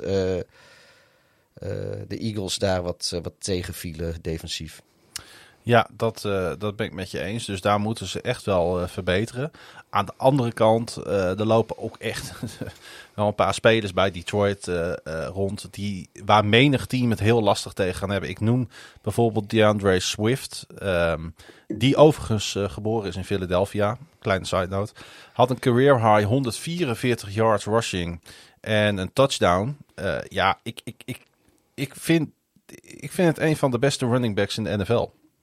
DeAndre Swift. En dus, Dat, je, eh, dat vind ik nogal wat. dus je ziet gewoon dat je, zeg maar, bij zo'n team als Detroit heb je een aantal eh, briljantjes die je zo kan aanwijzen. Ook een paar talenten die ongelooflijk veel upside hebben. Maar er zijn aan de andere kant net zoveel spelers waarvan ik kunt zeggen, wat doen ze op een NFL-veld? Ja, ik, Dat is een beetje het probleem Ja. met dit team. En ik, ik, ik twijfel nog altijd een klein beetje. Hoewel het. eh, eh, kijk, hij heeft natuurlijk vorig seizoen, halverwege het seizoen, heeft hij schoon schip gemaakt. En eh, daar, met dat schone schip is hij ook dit seizoen aangevangen. Maar ik blijf toch een beetje mijn vraagtekens hebben bij, bij, de, bij de coachingstaf van, van Detroit. Want het komt heel leuk over. Ik kan echt heel goed motiveren. Maar Hm. over tactisch en technisch. Ik heb het idee een beetje. Is het te veel op energie gestoeld? Op, op ja, inzet? Ja, En te ja. weinig op het tactische? Nou, ik, de- ik, ik denk het wel eens. En dat is volgens mij misschien wel. En nu ga ik even. eh, ik voel me net Wouter Holsappel, maar ik doe even psychologie van de koude grond. eh, zoals hij dat ook vaak kan doen in een podcast. eh, kon veel minder. Maar dat, dat is misschien wel de reden dat, dat de Lions vaak wel een heel eind meekomen met hun tegenstander. Dat ze, ze, ze trekken zich zeg maar een beetje, beetje op aan, aan eh, het niveau van de tegenstander. Ze knokken Maar- zich in een wedstrijd, ze bijten zich ja, erin vast. Maar ze, ze, ze komen er nooit voorbij. Want of het talent is er misschien niet, of het tactisch vernuft is het dan niet. Een beetje afhankelijk van, van hoe en wat. En eh, daar, eh, ja, ik, ik, ik, daar heb ik nog steeds twijfels bij. En zolang eh, eh, ze dit soort wedstrijden op deze manier blijven verliezen. En eh, ja, ik zeg drie punten. En je komt uiteindelijk heb je het in één kwart, geef je heel veel weg. En daardoor ben je eigenlijk verder kansen. Maar ze komen echt nog weer heel ver terug ook gewoon. Ja, ik... ik tot, totdat ze aan de, dit soort wedstrijden met enige regelmaat aan de goede kant van de score staan... eh, blijf ik mijn twijfels daar wel bij houden. En dat lukte de Eagles dus wel. En dat kwam eh, onder andere, en eh, ik wil hem toch even noemen, want ik heb hem getipt als een van de betere off-season acquisitions, om het zo maar even te noemen. James Bradbury, die werd gehaald van de... Acquisitions, anders is het een beschuldiging. Inderdaad, je hebt helemaal gelijk. Probeer ik ook eens een keer een moeilijk Engels woord Nee, uit te spreken, word ik ik- gelijk weer op mijn knokkels getikt. Ah, joh, het is gewoon een, een vriendelijke correctie. James Bradbury die een interceptie returnde voor 27 yards. En dat is nu al een van de. eh, dat, wordt nu al, dat wordt een van de betere defensive plays van dit seizoen. De manier waarop hij die wist terug te rennen. Ja, eh, ik vond het fanta- Ik vind het sowieso. eh, het was onwaarschijnlijk leuk om naar te kijken. Het was niet altijd even goed. En ik zie dat we naar het volgende wedstrijd moeten. Even weer naar het script terug. Ehm, trouwens, kwam één vraagje tussendoor. Nick Kasman. Moeten de Lions in 2023 all the way voor een quarterback gaan? Ik denk dat we daar heel snel antwoord op kunnen geven. Als, eh, als er een goede quarterback beschikbaar is op de plek waar zij pikken, moeten ze hem pakken. En eh, als dat niet zo is, gewoon lekker doorgaan. Zonder Mitch Trubisky tekort te doen, was het de Steelers defense die niet voor het eerst onder Mike Tomlin grote indruk maakte. Nu zeg ik het wel goed, hè? Ja, Uiteraard onder aanvoering van regerend... Chris Tomlin. Ja, uiteraard onder aanvoering van regerend Defensive Player of the Year TJ Watt. Zijn blessure in het vierde kwart kwam dan ook hard aan. Toch volgde een 23-20 overtime win. Na all sorts of madness. Het season opening optreden van Joe Burrow zou je dan ook op zijn zachtst gezegd tumultueus kunnen noemen. Vijf turnovers en zeven sacks incasseren achter een wederom zwakke O-line zal tot zorgen baren. En waar vorig jaar dit soort wedstrijden nog over de streep werden getrokken, mede dankzij kicker McPherson, was het geluk in week 1 dit keer niet aan de zijde van Cincinnati. Ja, eh, over leuke wedstrijden gesproken. De Steelers en de Bengals. En die defense van de Steelers, Pieter. Die. Poh, Ja. ze weten daar wel wat neer te zetten. Wat een powerhouse is dat. Ja, ook. eh, ja, het is, het is doodzonde dat, ze, dat TJ Watt eh, nu al. eh, in ieder geval. Ik denk, geloof ik, misschien wel een half seizoen. En met pech het hele seizoen. Ik denk eerlijk gezegd dat ze potentieel de volgende Defensive Player of the Year al binnen hun geleden hebben. Ja, maar. Met, het, eh, ja, met toch, Minka. ja, toch vind ik het jammer. Ehm, ik, ik vond het. eh, eh, ik heb extra op deze wedstrijd gelet. eh, want ik vond het wel grappig om Mitch Trubisky weer eens een hele wedstrijd te Ja, zien spelen. Uiteraard. En Mitch was Mitch. Eh 17 punten zet Pittsburgh neer in, het eerste, in de eerste helft. En eigenlijk blijft het daar een beetje bij op twee field goals na Nou, natuurlijk. Dat, En- het was na rust, was het wel heel pover aan. Ja, maar dat is dus. Ja. ik, ik, ik- dat kwam me echt heel bekend voor. Want Mitch Trubisky, die, die, die is blijkbaar. Dat hebben we Chicago ook wel regelmatig gezien. Dan. dan de eerste, weet ik hoeveel plays van de NFL-wedstrijd zijn vaak gescript. En eh, op een gegeven moment is dat script of uitgewerkt omdat je meer plays gewoon niet gescript hebt en je hebt ze allemaal uitgevoerd, of eh, de defense van de tegenstander heeft het door. Maar het houdt een keer op en vaak is dat halverwege tweede kwart of tegen tijd dat de rust is en of soms al zelfs eerder, afhankelijk hoeveel je de script. En als die, als die scripted play, als dat goed in elkaar zit, dan is Trubisky daar echt heel goed in. En ik weet het niet. Ik ben er niet bij geweest in de voorbereiding van de Steelers. eh, maar het feit dat Trubisky de eerste helft eh, eh, gewoon echt solide speelde. En pap, pap, pap precies wist wat je moet doen. En op een gegeven Ja, moment... goede rollouts. Ja, en, en op een gegeven moment houdt het op. En ik, ik, weet, of, ik weet niet of dat, dat aan Trubisky ligt, dat hij daarna niks meer kan. Ik Of weet niet of het aan, aan, zich aan aan. Cincinnati Ja. zich heeft aangepast. En dat ze daar eh, in Pittsburgh eh, niet op tijd op konden reageren. Of dat ze inderdaad de wedstrijd begonnen zijn met een, een stuk of 15 eh, scripted plays die Mitch Trubisky keurig heeft uitgevoerd. En daarna hij zoiets van ja, nu weet ik het niet meer. Ik heb geen idee, maar eh, ik vond het patroon van deze wedstrijd vond ik heel erg eh eh, Mitch Trubisky Bears-achtig, zoals hij de eerste paar seizoenen in Chicago speelde. Dat, dat, dat viel me heel erg op en ik, nou ja, ik, ik doe, doe met deze informatie wat je wil. Ja, ik, ehm, eh, dat, dat klopt. En we hadden natuurlijk ook al wat vraagtekens eh, voor dit seizoen bij de offense van de Steelers. Hoe dat zou uitpakken en op welk niveau dat gaat, uit- gaat uitkomen. Eh, ze hadden mazzel, denk ik, met... eh, ja, het klinkt ook een beetje flauw dit, dat ze mazzel hadden. Want ze hebben het echt wel op eigen kracht gedaan. Ehm, Ja. eh, ik, echt, ik wil echt... ik- dit is de beste defense die ik heb gezien. Eh, eh, Pittsburgh. ja, Pittsburgh dit, eh, dit, dit weekend. Wat die hebben weggepikt bij, bij Joe Burrow. Wat die aan pressie hebben gebracht. Ja. Hoe die cornerbacks deze wedstrijd hebben gespeeld. Ondanks dat Jamar Chase af en toe best nog wel een play kon maken. Geweldig. Ja. Ehm, en, en, en dan zit het er ook... Ja, het is altijd achteraf is, mak- is makkelijk praten en prachtig wonen. Maar het, het- weet je, als je naar die play kijkt van, eh van Watt... Die pressie brengt. eh, langs die right tackle gaat. Die L. Collins. In, met dat hij langs die Collins rent, ehm, neemt hij de helm. Ik denk dat daar de blessure namelijk is ontstaan. Ja. Neemt hij de helm van eh, Collins mee. eh, duikt hij op Joe Burrow. En je ziet, de, Joe Burrow die, die, die duikt zeg maar weg op dat moment. En Watts, die, die weet ook nog die bal weg te krijgen. En hij staat op. En die arm, die hangt totaal... Is daar een goed Nederlands woord voor? Beweegloos. Bewegingsloos. Bewegingsloos. Langs dat lichaam van die... Beweegloos. Ja, nou ja, we weet zijn echt al lang bezig met deze. Het wordt steeds later. Motionless zou, de- Ja. zou het in het het Engels zijn. bewegingsloos. Ja, Het bewegingsloos. gewoon- ja. Langs dat lichaam. En dan schrik je, je, als je dat dan ziet, dan schrik je ook als kijker helemaal Ja. de apenpokken. En natuurlijk hadden we een of andere liplezer of, of, een, of een microfoon op een camera. Die had, eh, dat was toch bij hem, dat, eh, dat hij had opgevangen, I tore my pack. Ja, en eigenlijk is het dezelfde blessure die zijn broer heeft gehad. Dat deed mij heel gaan denken. Want eh, JJ die speelt natuurlijk ook al jaren met zo'n met zo'n bandage package. Ja, zo'n zo'n brace ding om Zo'n zijn- brace ja. om zijn arm. Ja. Ik, en ik vrees voor hem dat, dat hij nu hetzelfde lot tegemoet gaat. Ja. Dat is natuurlijk wel, eh, wel echt eh, heel treurig voor de drievoudig All-Pro. Hey, McPherson, de kikker. Ja. Eh, wordt gezien als een van de grootste talenten in de NFL. Het enige wat hij moest doen om deze wedstrijd, hoe onterecht dat misschien ook was geweest voor de Bengals te winnen, was een PAT'tje binnentrappen.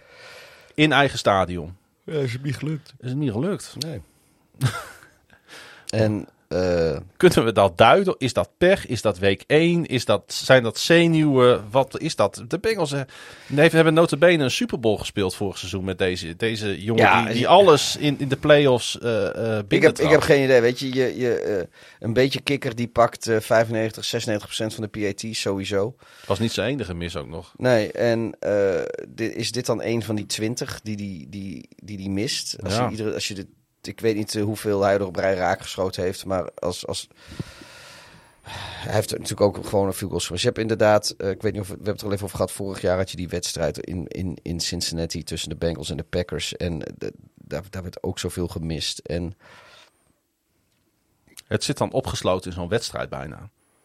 Je zou misschien eens denken dat het toch druk is, omdat. Ja. en dat, dat, dat. Ja, om, omdat de ander dan ook mist, weet je. Want dat, ze zitten. De druk neemt natuurlijk verschrikkelijk toe. Het is een beetje. Ja, het wordt haast als een strafschoppenserie. waarin je steeds. eh, ja, waar, de, waar je op een gegeven moment na, van, van best of five naar een. of, of zeg maar naar vijf, vijf om vijf naar knockouts gaat. Eh. ja, die druk die neemt steeds toe. En ik, ik weet niet of. of zou die daar niet. Ik, ik weet niet of je daar wel of niet goed mee om kan gaan. Ik heb het idee juist dat, dat, dat, dat in de. eh, hoe meer er op het spel begon te staan vorig seizoen, hoe beter hij werd. Ja. En, en vroeg in het seizoen, en die wedstrijd tegen Green Bay was ook week drie of zo, weet ik veel. Het was vrij vroeg in het seizoen voor mijn gevoel. Ehm, dat. Ja, dat, week vier of vijf. Ja, maar, maar in ieder geval, eh, zeg maar, op een moment dat de prijzen nog niet verdeeld Nee, worden. En, nee. eh, Ik vind het opvallend. ik vind het raar. Ik, ik, kan, Ja. ik kan het niet duiden. Ik ook niet. Nee. Maar het, het enige wat ik dus, de duiding die ik kan geven is, blijkbaar gebeurt dat eh, als de druk nog niet zo hoog is of als de, de knikkers nog niet eh, vergeven worden. Maar dat moet natuurlijk wel uit zijn spel. En de Steelers hebben natuurlijk een absolute specialist eh, binnen hun gelederen. Met Bos wel. Eh, nee, nee, als het gaat om het Oh. tegenhouden van Oh, goals, oh, ja. met Fitzpatrick en, Ja. en PAT's. Die Ja. man weet zonder dat hij offside gaat, weet hij op tijd in de lane van zo'n eh, van zo'n van zo'n kick. Weet hij, Ja, een beetje alsof je dat, eh, een beetje zoals Troy Polamalu dat ook al kon. ja, die kon dat inderdaad ook heel goed. Het is een eh, goed, goed voorbeeld inderdaad ook. Ook namens de Steelers. Ja, ja, ja, ja. Nou staan de Steelers er sowieso bekend natuurlijk om, om het, het opleiden en van dit soort, van dit Ja, soort spelers. Dat en, en receivers. Ja, dus eh, knap in ieder geval van de Steelers dat ze ja, in de jungle eh, deze overwinning weten weg te slepen. We hadden het allebei wel voorspeld Ja, deze hadden we bij. dat eh, deze eraan zat te komen. De Steelers zijn vaak goed week 1. Eh, Chris Tomlin, of Mike Tomlin, hoe die ook heet, die weet dit. De dubbelganger van, van Pruim. De, de, de- van Bruin. Laten we voor het gemak maar zo noemen, want anders kom ik er niet meer uit. Ah, winnen de Browns hier omdat ze misschien wel het betere team waren. Of verliezen de Panthers omdat Matt Rule te laf was om een sterke comeback te bekronen met nog een touchdown. Browns fans zullen wellicht het eerste zeggen. Wij neigen naar het laatste. Twee Panther drives in het vierde kwart eindigen met een touchdown. Maar toen de Panthers met een derde touchdown drive de wedstrijd definitief konden beslissen, koos Matt Rule dus voor een field goal. Waardoor de Browns met 1.17 op de klok enkel binnen field goal range moesten komen voor de winst. En Kate York, ja ja, benutte die kans direct door een 58 yarder binnen te schieten. Vooralsnog loont het draften van een kicker dus. Ja, vierde ronde draftkeuze Ja. inderdaad van de Cleveland Browns. Eh, wij hadden hier een soort van discussietje over. Nou, we hadden geen discussie over, gewoon een gesprek over. Dat ik tegen jou zei: ja, het begint zich nu toch echt wel uit te betalen in de NFL dat jij investeert in een goede kicker. Ja, We hebben ja. het heel veel over kickers deze uitzending. ja, nee, klopt. Ik, maar ik, Kate ik- York laat zien. Maar ik vind het ook knap dat je in je eerste NFL-wedstrijd gelijk even een bijna 60 yarden binnenschiet. Ja, oh, dat, dat, dat sowieso. Nu was, nu was Kate York ook echt een, eh, een hele, hele getalenteerde kicker. Dat is ook de reden dat hij gedraft wordt. En zo LSU, hè? Ja, meestal, eh, meestal worden kikkers eh, niet gedraft en zeker niet zo vroeg. Ehm, dat, dat gebeurt zelden. Meestal zijn het undrafted eh, free agents. Of eh, ja, hoe, hoe ze bij een team komen of ergens achteraan in de zevende ronde. Anyway, ehm, ja, het is, ik, het, het is natuurlijk hartstikke mooi dat, eh, dat hem dat lukt. En ik gun dat Kate York ook ten zeerste. Maar ook hier is het weer zo. Dat als Matt Rule gewoon kloten had gehad...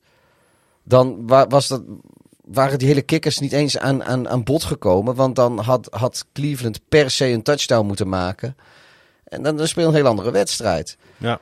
tuurlijk, de, de Panthers begonnen heel stroef. En, en eh, Mayfield, die, die, die was, eh, zeker in de eerste helft eh, niet... Nee, het zat er nog niet in, hè, voor zat- rust. nee. Maar op een gegeven moment beginnen ze aan een, aan een imposante comeback. En wat ik zeg, weet je, drive na drive eindigt in een touchdown. Twee drives op vierde kwart. En ze zijn bezig met die derde drive. En eigenlijk zijn de, zijn de Browns... Je hebt niet echt antwoord. En Nou ja, sterker nog, eh, die, die Mayfield gooit een prachtige 75-yard touchdown st- strike op Robbie Anderson.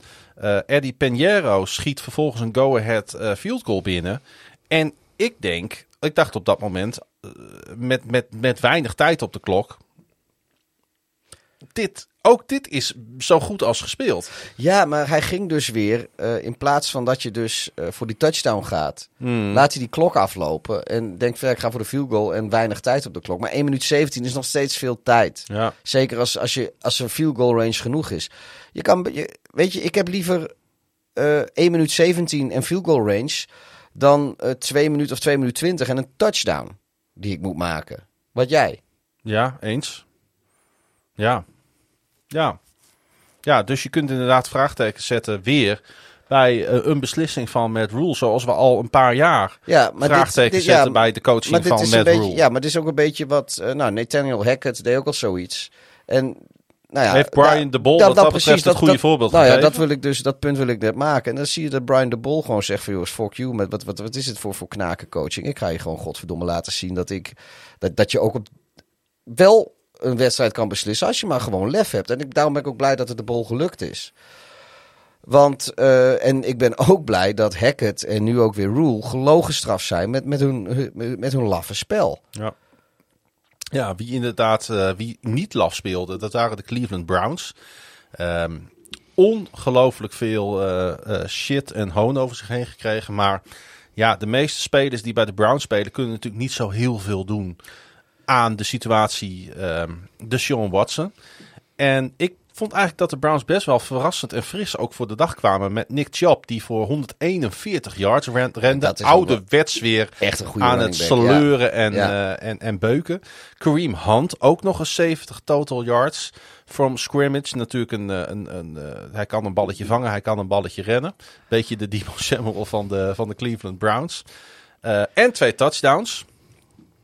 Ja. En ehm, eh, zo wonnen de Browns hun eerste eh, road season opener in 28 jaar. Ja, maar er was nog wel wat controverse aan het eind van de wedstrijd. Los natuurlijk van de beslissingen van, eh van Matt Rule. Ja. Dat Wat had vond met jij? Brissett te maken, hè? Ja, nou ja, hij, Ja. hij, hij volgens de, de Browns natuurlijk en volgens Brissett spikte hij de bal.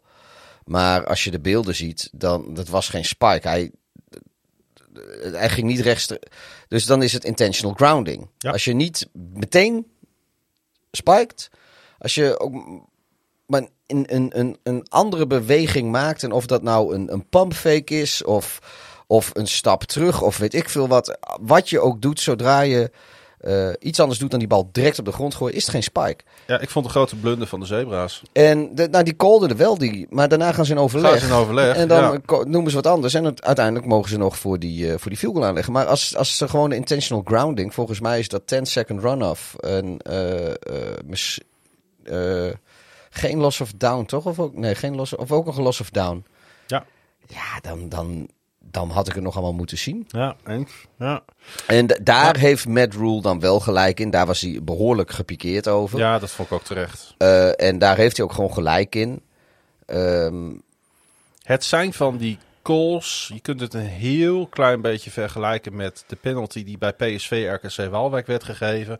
Ja, eh, een, geen op- Groningen, geen interesse. Ik heb geen idee waar het over een hebt. nu. opgeheven been in de 96e minuut. eh, wa- waarbij een hoofd net wel, net niet wordt geraakt, weet je wel. Terwijl een verdediger doet er gewoon alles aan om... om nou, ik bedoel gewoon qua, qua call... Ja. Het kan, al, het kan beide kanten op. Het zit een beetje in een grijs hier- gebied. nou, weet dit- je wel, dat, is- dat bedoel ik eigenlijk te zeggen. dit vond ik geen grijs gebied hoor. Dit is, hij gooit die bal niet rechtstreeks naar de Nou grond. ja, dus is het geen Voor spike. de zebra's dus is het zat het wel in een grijs gebied, want ze waren het niet eens. Ja. Dus of, vindt volgens wel, mij, ja, en volgens mij kun je, kun je deze ook niet reviewen. Nee, Eh, maar weet je, dan daar ben ik er bang voor dat, dat zeg maar een of andere line judge of weet ik veel eh, wel gezien heeft wat er gebeurd is. En dat de, de, de, de hoofdzebra eh, meent wat anders gezien te hebben en die overroelt dan. Ja, ik heb ook eigenlijk nog nooit meegemaakt, en ik heb best veel NFL-wedstrijden gezien, dat een, een, een spike een wedstrijd beslist op die manier, of, of de, de calls Nee. eromheen. Maar ja, het is, het is weer zo teleurstellend. Want, want nou ja, vooropgesteld, het, Matt Rule had, als hij gewoon kloot had gehad, was, was Exact. deze hele situatie nooit voorgekomen. Nee. Maar goed, eh, eh, het is wel voorgekomen en dan heb je ook gewoon... eh, de regels zijn de regels en dat, dat moet een constante zijn in, in zo'n wedstrijd. En daar moet je gewoon van op aankunnen. En als, als dat zo in je nadeel uitpakt... Ook al verdien je eigenlijk de nederlaag al wel vanwege je eigen lach, laffe gedrag, ge- gedrag... dan verdien je de nederlaag niet door een dwaling van de zebra's. Ja, en dan zul je ook nog zien dat, eh, dat zo'n York dus de winning kick in huis Ja, heeft. tuurlijk. Was wel grappig dat eh Borset die zei, hij heeft een paar maand geleden al gezegd van als ik de bal op de 40 krijg, dan is het in zijn range. Ja, Dus dit wordt wel, ja, we zeiden het vorig jaar over McPherson. Ik denk dat we dit jaar over York gaan zeggen. Eh, de AFC North wordt eh, crowded met goede kikkers. Ja, nee, dat, eh, dat, dat, volgens mij had ik dat inderdaad van de week naar jullie gestuurd. Dat, dat, dat was ook ergens een van de takes. En de, en, en de, en de de hebben ook geen is de. Nee. Boswell is ook. Ja. Boswell is gewoon een prima kikker. Daarom. AFC North is de, is, de, is de meest stacked divisie qua kikkers. Maar toch, het was misschien wel heel erg Browns geweest om die wedstrijd te verliezen op een 10-second run-off. Ja, maar het zijn niet meer de Browns natuurlijk van Nee. een paar jaar Dus geleden. misschien zegt dat ook wel weer wat. En het zegt ook wat over de Panthers, want eh, die eh, verliezen dit soort wedstrijden de laatste jaren juist ook. Nou, één Dus er laatste, moest, er moest één verliezen. ja, denk na laatste wedstrijd. Hop, hop. na laatste wedstrijd. Moet, Ja. er, moet er nog een muziekje bij? Heb jij die? Ja, wat zullen we eens doen? Nou, doe eens wat moois. Doe, maar- doe maar weer die ethisch, joh. Kan mij de schelen. Ja, we hebben gewoon echt nog een keer. Ja, kan mij de schelen. Er luistert toch al niemand meer nu. Daar vergis jij je in. Maar ik vind het leuk om te zeggen. Want het is niet zo. Want de fans van de Saints en de Falcons zijn namelijk aan het wachten op hun wedstrijd. Noem een iconische duo dan de Falcons en een dikke voorsprong weggeven in het vierde kwart. Dit was de vierde keer sinds de start van het seizoen 2020 dat ze een marge van 16 of meer punten in het vierde kwart hebben weggegeven. De vijftiende keer sinds de oprichting in 1966 trouwens. Ja, je kan als eh, fan gewoon niet meer lekker op je reet op je reet zitten als ze na drie kwarten gezond aan de leiding gaan. En dat moet wel enorm frustrerend zijn. Eh, Heb ja, ik echt reet in het script gezet? jij hebt reet in het eh, script gezet. Ja, we, zijn een acht- we zijn een 18 plus podcast. You heard it here for the first time. Reeds in NFL op woensdag. 17 punten in het vierde kwart, Pieter. En eh, de Saints begonnen ongemakkelijk aan deze wedstrijd, hè? Ja, ik denk niet heel, helemaal onverwacht. Natuurlijk nieuwe coach, nieuwe quarterback. eh, eh, een, een, een, aantal spelers, waaronder is ook de nieuwe quarterback, die, die lange tijd geblesseerd zijn geweest. Dus al een mooi poosje eruit waren. Ja.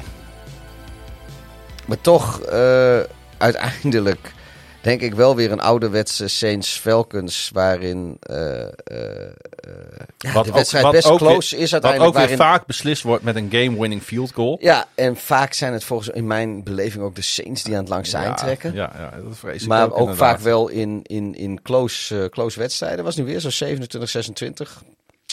Het was een beetje de return of the usual suspects bij de, bij de Saints. Winston, Ja. eh, de kicker, Lots. Natuurlijk Michael Thomas, waarvan wij allemaal zaten af te wachten van... kan die man nog een bal vangen? Nou, Ja. natuurlijk kan die man nog een bal vangen. Ja, ik vond het ook heel mooi dat eh, eh, Michael Thomas in het vierde kwart nog twee touchdown passes vangt. En uiteindelijk, en uiteindelijk Lutz de beslissende field goal binnenschiet. En, Ja, en, en natuurlijk James Winston die, die twee touchdown passes op Michael Thomas gooit. Want die drie spelers, die, eh, Thomas en Lutz, die hebben het hele vorig seizoen gemist. En James Winston was er al vanaf Halloween. En dat is ergens eh, eind augustus, of eh, eind oktober was hij er al niet meer bij. Die waren allemaal weer terug voor het eerst eigenlijk in de wedstrijd. En met z'n drieën beslissen dat gewoon. En dat, dat vind ik op zich wel weer een mooi verhaal. Ja, Falcons fans kopen er niks voor. Die, die zullen mij dit misschien ook niet in dank afnemen. Maar het is wel een beetje een, een, een soort happy eind, eindgoed al goed eh, eh, verhaaltje dit zo. gebeurde nog wel weer wat aparts na die eh, achteraf game-winning field goal. Want ook de Falcons kwamen nog weer een keer in, in, in scoringspositie. Na een personal foul tegen de Saints. Ja, Hoe die gaven- krijg je het voor ja, elkaar? die gaven in één keer nog... Die gaven even 15 yards weg. En toen kon Jong Hoekoe toch nog aanleggen voor een 63-yard field goal attempt. Die werd geblokt en toen liep de klok naar nul. Maar het is toch eigenlijk raar dat, eh, dat je dan ziet dat bij de, bij de Saints eh, verandert er van alles eh, qua coachingstaf en quarterback. Bij de Falcons is er van alles veranderd. En dan zit je zo'n wedstrijd te kijken en, en dan denk je, er is eigenlijk helemaal niks veranderd. Nee, het is gewoon Falcons Saints. ja, Ik, dat vond ik gewoon echt heel raar. Eén ding is niet veranderd en dat is onze grote vriend Patterson bij de eh, Atlanta Falcons. Een van onze, ik denk dat ik voor Ja. ons allebei spreek, een van onze favoriete spelers in de National Football League. Die, Die had gewoon weer een wereldpotje. hoor. een career high. Ja, Weet je, wij zaten nog zo van, ja, moeten de Falcons dat wel doen? Moeten ze nog weer met hem in zee gaan? Moeten ze nog weer een paar miljoen opzij zetten voor voor voor ja ik had liever dat ze hem gekut hadden en dat hij weer terug was gekomen naar Chicago. Dan meen ik echt. Ik had hem ook. Ik had hem ook. Ik had hem bij ieder team. Ieder team kan een Patterson gebruiken. Daar ben ik van overtuigd. Ja, Maar aan de andere kant, goed, hij zal wel met zijn gezin in eh, Atlanta wonen en eh, gedacht hebben van ik pak hier nog mijn miljoenen en, eh, en ga hier lekker ballen, want hier word ik gewaardeerd. En dat wordt hij ook. Ehm, en wat natuurlijk ook bij de Falcons opviel, ik vond echt, en ben ik echt, Marcus Mariota voor het eerst sinds 2000 2019 een start. Ik vond dat hij het eigenlijk best wel goed deed. Ik vond dat hij best wel een hele Ja. aardige wedstrijd speelde. Tegen toch een hele sterke defense. Dat wil zeggen wel een test voor hem. Hij eh, gooide voor 215 yards. Ook nog eens 72 over de grond. Dat is natuurlijk wel een beetje met wat we van hem gewend zijn. En hij had een hele, hele goede eh, touchdown run. Waar hij echt eh, op een prachtige wijze het gat vond in de, in, de, in de Saints defense. De lane die ook natuurlijk wel een beetje voor hem gecreëerd werd. En ik heb eigenlijk best wel genoten van deze wedstrijd. En ja, ik ga het gewoon hardop zeggen. Ik heb best wel genoten van de Atlanta Falcons.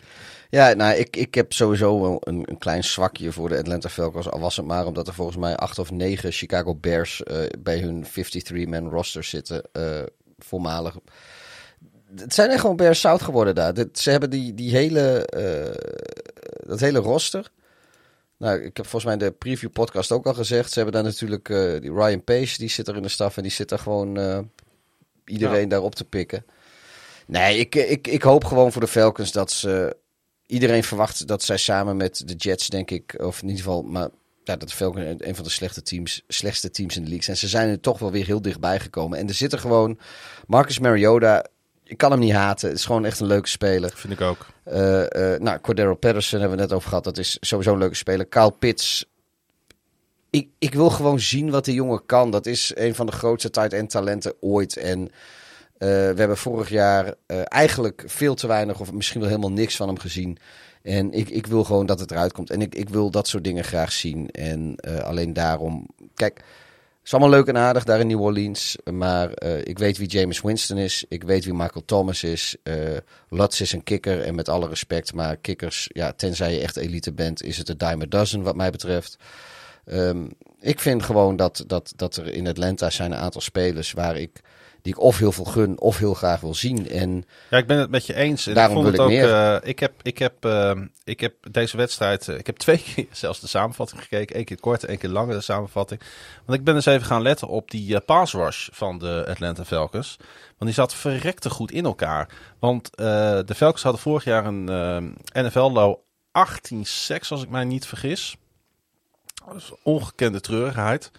Vier deze wedstrijd. Vier sacks. ja, Met die Grady Jarrett, die gecrediteerd werd voor anderhalf seks, eh opgeteamd op met Lorenzo Carter. dus op schema voor 68. Ja, ik, ik, en, en die Michael Walker speelt een hele goede wedstrijd. Dus ondanks dat wij dan voor zo'n seizoen naar zo'n roster kijken... en dan lees ik eh, iets op eh, van de beatwriter van de Falcons... en dan kijk ik op die Athletic wat er gezegd over de Atlanta Falcons... en dan kijk ik nog wat de ESPN zegt, zegt en dan kijk ik s s'avonds ESPN live... en dan eh, doet men ook schamper over de Atlanta Falcons. Iedereen doet eigenlijk lullig over de Atlanta Falcons.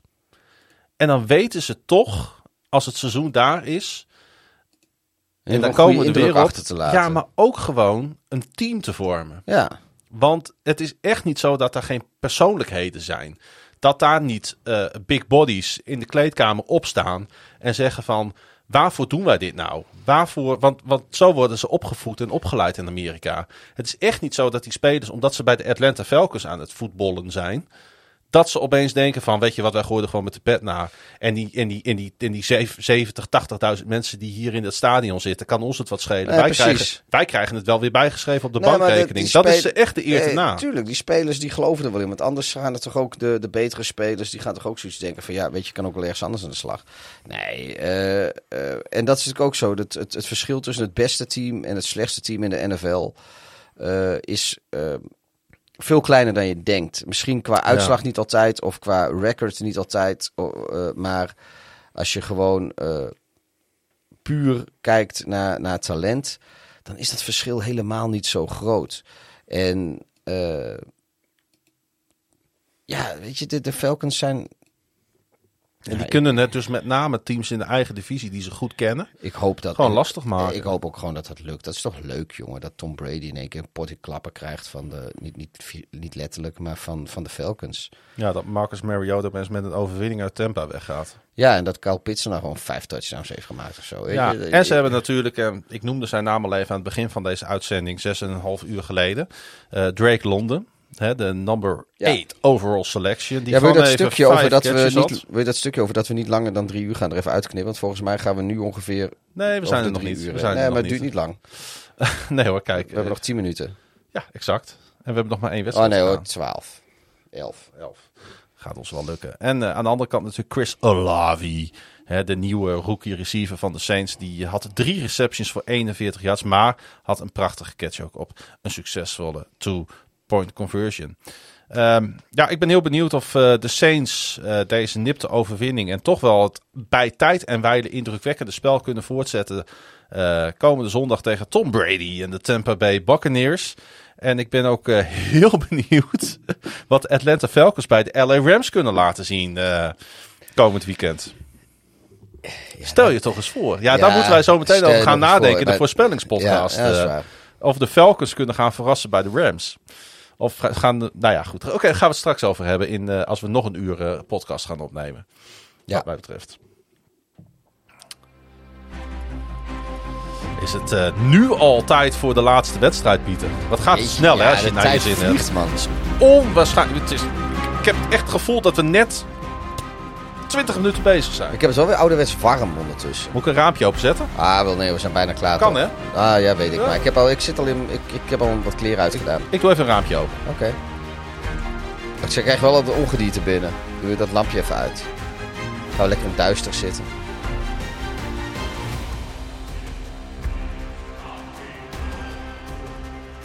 Past de muziek ook wel bij? Ik heb het echt idee dat, er zometeen een paar monniken met zo'n kaars de trap op komen. Zo'n rijtje. Die komen er om ons heen staan. En...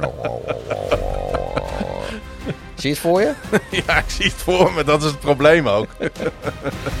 de defense van de Dolphins gaan we het over hebben, Pieter. Want eh, die gaf meteen haar visitekaartje af met een touchdown, een interceptie en een forced fumble. De Patriots, Patriots bekroonden slechts één drive met een score. Verder moesten ze hun meerdere erkennen in de Miami Dolphins defense. Ook vorig seizoen nam de defense van Miami het team op sleeptouw en werd een sterke reeks ingezet in de tweede seizoenshelft. En ze lijken dit seizoen vrolijk verder te gaan. Het is, ik denk, wat zeg je nou? Het komt allemaal zo bekend voor, maar ik heb dit geschreven. Jij hebt dit geschreven, ja. Ik dacht, wat, wat, wat zegt hij nou? Wat, wat- Sorry. Eh, ja. Eh, De Dolphins eh, eh, wonnen, Pieter. ja, en de, de Patriots. De, Die verloren. ja, ik wil echt helemaal niks afdoen aan de nee. overwinning van de Dolphins. Want inderdaad, die defense die, die speelde gewoon heel sterk. En eh Tua had, eh, nou ja, wa- waar wij een beetje twijfelden. Zeker ik, maar jij ook. Ik geloof alleen Jur iets minder. Ja, Eh, maar ik hoop- ik wij hoop- werden door, door menig Dolphin-fan werden wij zo ongeveer eh, een, een, een hele langzame, pijnlijke dood toegewenst. Ja, ja dat Want klopt. zo erg was het. Ja, het was echt heel erg. We hebben Eh, haatmails ja. gehad, haat-Twitterberichten, Ik had, eh, HTM's. ik heb had- zelfs ik- Dolphins-fans in het echt gezien. Nou, die wouden me eigenlijk niet eens aankijken. Die Nou- wouden eigenlijk niet eens naast me zitten. Nou, ik, heb, ik, ik ben door zeker drie verschillende Dolphins fans door me, voor mijn voeten gespuugd. En ik had ook een bombrief in mijn brievenbus. Eh, toen ik hem openmaakte, kwam er uiteindelijk wat confetti uit. Maar ik hoorde in de verte nog wel een dolfijntje snateren. Dus ik, ik, ik vond het verdacht. Ik heb zelfs mensen gehoord die vonden dat eh, de manier waarop wij over de Dolphins en Tour hebben gepraat, die zeiden van dat is pas een complottheorie. Ja, nou, het, het, het is, wij, wij waren zo, zo verschrikkelijk gemeen en, en brutaal en, en, en over, over dolfijnen en de dolphins. Dat, schijnt, Greenpeace eh, had er zelfs problemen mee. Ja. Dat, eh, dat we moesten toch echt wat zuiniger zijn op de zeezoogdieren. Nou, sterker nog, Amnesty International begon zelfs te klagen. Nou, Ja. Nee, dat ja, dus dat, eh, de enige mensen die het eigenlijk mooi vonden waren de Japanners. Want die houden niet zo van zeezoogdieren. nee, die maken er graag sushi van. Maar hij, eh, hij, eh, hij speelt een hele keurige wedstrijd. Tua Tagovailoa met 270 passing yards en een touchdown. Eh, ja, ik zou bijna willen zeggen, dat wil je ook met zo'n receiverkorps. Dan hoef je niet eens een goede quarterback te zijn. Nee, weet je, ik, ik wil gewoon heel graag dat Tua het goed... Ik heb dat vorige keer ook gezegd, weet je, linkshandige quarterbacks heb ik een zwak voor. Tua vind ik gewoon, ja, ik, ik, ik, wil, ik wil dat gewoon. Ik, eh, Er zijn nu Dolphins-fans, die hebben bijna drie uur geluisterd, hè? ja. En die smijten nu hun device tegen de muur kapot. Nee, maar hij heeft het. Weet je, ik, ik, ik, ik kom weer in het kamp van de believers. Ik ben weer een team 2-1. Eh eh Tua Truthers, weet ik veel hoe ze. Weet je, ik, ik, ik, ik, ik ga me. Langzaamaan begeef ik me weer richting hun kamp. En ik hoop dat ze me terug willen. Ja. Zijn zij dan ook in staat om het eh, divisiegenoot Buffalo lastig te maken, denk je? Het zou Dat, wel moeten. Als ze wat willen, Eh, dan zouden ze als- een van die twee als- potjes ja, eh, weet je, naar dan- zich toe moeten trekken. nee, dan, moet, eh, dan moeten de Dolphins deze lijn die ze omhoog hebben ingezet. of eigenlijk zeg maar die. Dit is een lijn die ze vorig seizoen al ingezet hebben, natuurlijk. al Ja, dat klopt. met die hele sterke tweede seizoen zelf. En ze lijken nu verder te gaan. Daar moet, dat moet, deze lijn moet zich doorzetten. En dan niet één seizoen zelf, maar gewoon tot aan, eh, nou, laten we gewoon zeggen februari. Want waarom de fuck niet? En de Bills die moeten dan niet zo sterk zijn als dat ze voor de dag leken te komen. eh, eh, vorige week of afgelopen donderdag eh, in de seizoensopener tegen de Rams. Als het, en, en dat vind ik heel veel als. ik denk dat.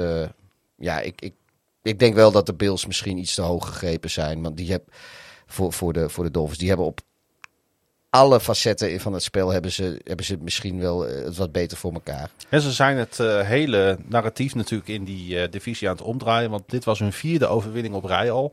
Tegen de New England Patriots en Bill Belichick. En ik zat zo een beetje naar die Bill Belichick te kijken. Die natuurlijk Die leek de weg een beetje kwijt. Ja, hè? en dan heeft hij ook nog die vervelende en, en, en rare Matt Patricia heeft hij naast zich staan. Die, Met zijn potloodjes. ja, die dan nu de aanvallende calls opeens mag, mag oplepelen. Terwijl die al in geen 25 jaar een, een fatsoenlijke baan heeft gehad eh, eh, als, als zo- aanvalscoach. Ja, is, dat als headcoach. is dat zijn schoonzoon of zo? die Nee, je zou het bijna denken, maar dat is niet het geval. En eh, op de een of andere manier worden de Patriots door heel veel mensen nog best wel hoog ingeschaald. Waarschijnlijk ook nog steeds vanwege resultaten uit het verleden. Waarom? Ze, gaan, ze, ze willen volgens mij een offensief, syst- offensief systeem gaan spelen wat niet past bij het talent van Mac Jones. Ze hebben een offensieve playcaller die gewoon absoluut trash is. Want dat mag je zo langzamerhand van Patricia wel zeggen. Ik, ik heb nog steeds af en toe word ik, word ik zwetend en gillend wakker. Alleen omdat hij bij mij in de divisie offensive plays gecalled heeft. Ja. Niet eens voor mijn team, hè? gewoon in mijn divisie. En ik heb, ik heb er moeite mee. Ja, jij bezoekt nog steeds om de twee weken iemand die, Ja. die jij grof geld betaalt. Omdat je Ja. nog steeds inderdaad gillend als een, Ja, als een Word- speenvarkentje wakker wordt. Wordt niet eens betaald voor, door de zorgverzekeringen. Hè? Dankjewel, Mark Rutte. Maar, eh, nee, Ja. even, nee, even zonder gekheid. nou ja, je, er is weinig aandacht voor mensen die een, inderdaad een Matt Patricia trauma hebben. Ja, Daar is veel te weinig aandacht voor. En ik denk dat het goed is dat wij op dit punt in de podcast nog even dit punt maken. Oké, ga door.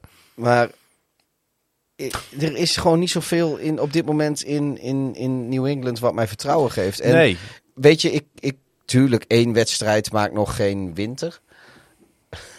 nou ja, maar- ze, ze hebben een probleem met Mac Jones. Want Mac Jones is niet de quarterback van de toekomst. Heeft Mac Dat Jo- weet ik niet. Ze gebruiken hem ook maar. eh, Nou, ze gebruiken hem redelijk. Alleen het is wel grijs. Want hij, hij, hij springt nooit uit de band. Zoals, weet je, je- kijk, je kunt af van alles zeggen van Lamar Jackson, maar af en toe springt hij uit de band en dan gooit hij weer zo'n fantastisch, of hij rent opeens 50 yards. Tua kan dat, eh, zelfs Justin Fields hebben we dat zien doen. Eh, quarterbacks moeten af en toe boven dat plafond een play kunnen maken. Die moeten een wedstrijd naar hun hand kunnen zetten. Ja, Die mis- moeten, als het lastig is, de leiding nemen. Hebben ze- en wat anders doen. Hebben, dan, ze, hebben ze in New England eh, te lang Tom Brady gehad? En weten ze daardoor eigenlijk niet meer hoe het is om Tom Brady niet te hebben? Ja, Want Tom Brady is op. eigenlijk ook een quarterback die... Hij gooit geen 50-yard deep bomb. Hij gaat ook geen, geen, geen, geen 30-yard rush aan of zo. Dat doet hij allemaal niet. Eigenlijk als je ehm, Tom Brady bekijkt, dan is alles wat hij doet lijkt heel pedestrian. Het punt alleen met Tom Brady is, is dat hij doet dat op momenten en onder druk waar andere quarterbacks dat gewoon niet lukt.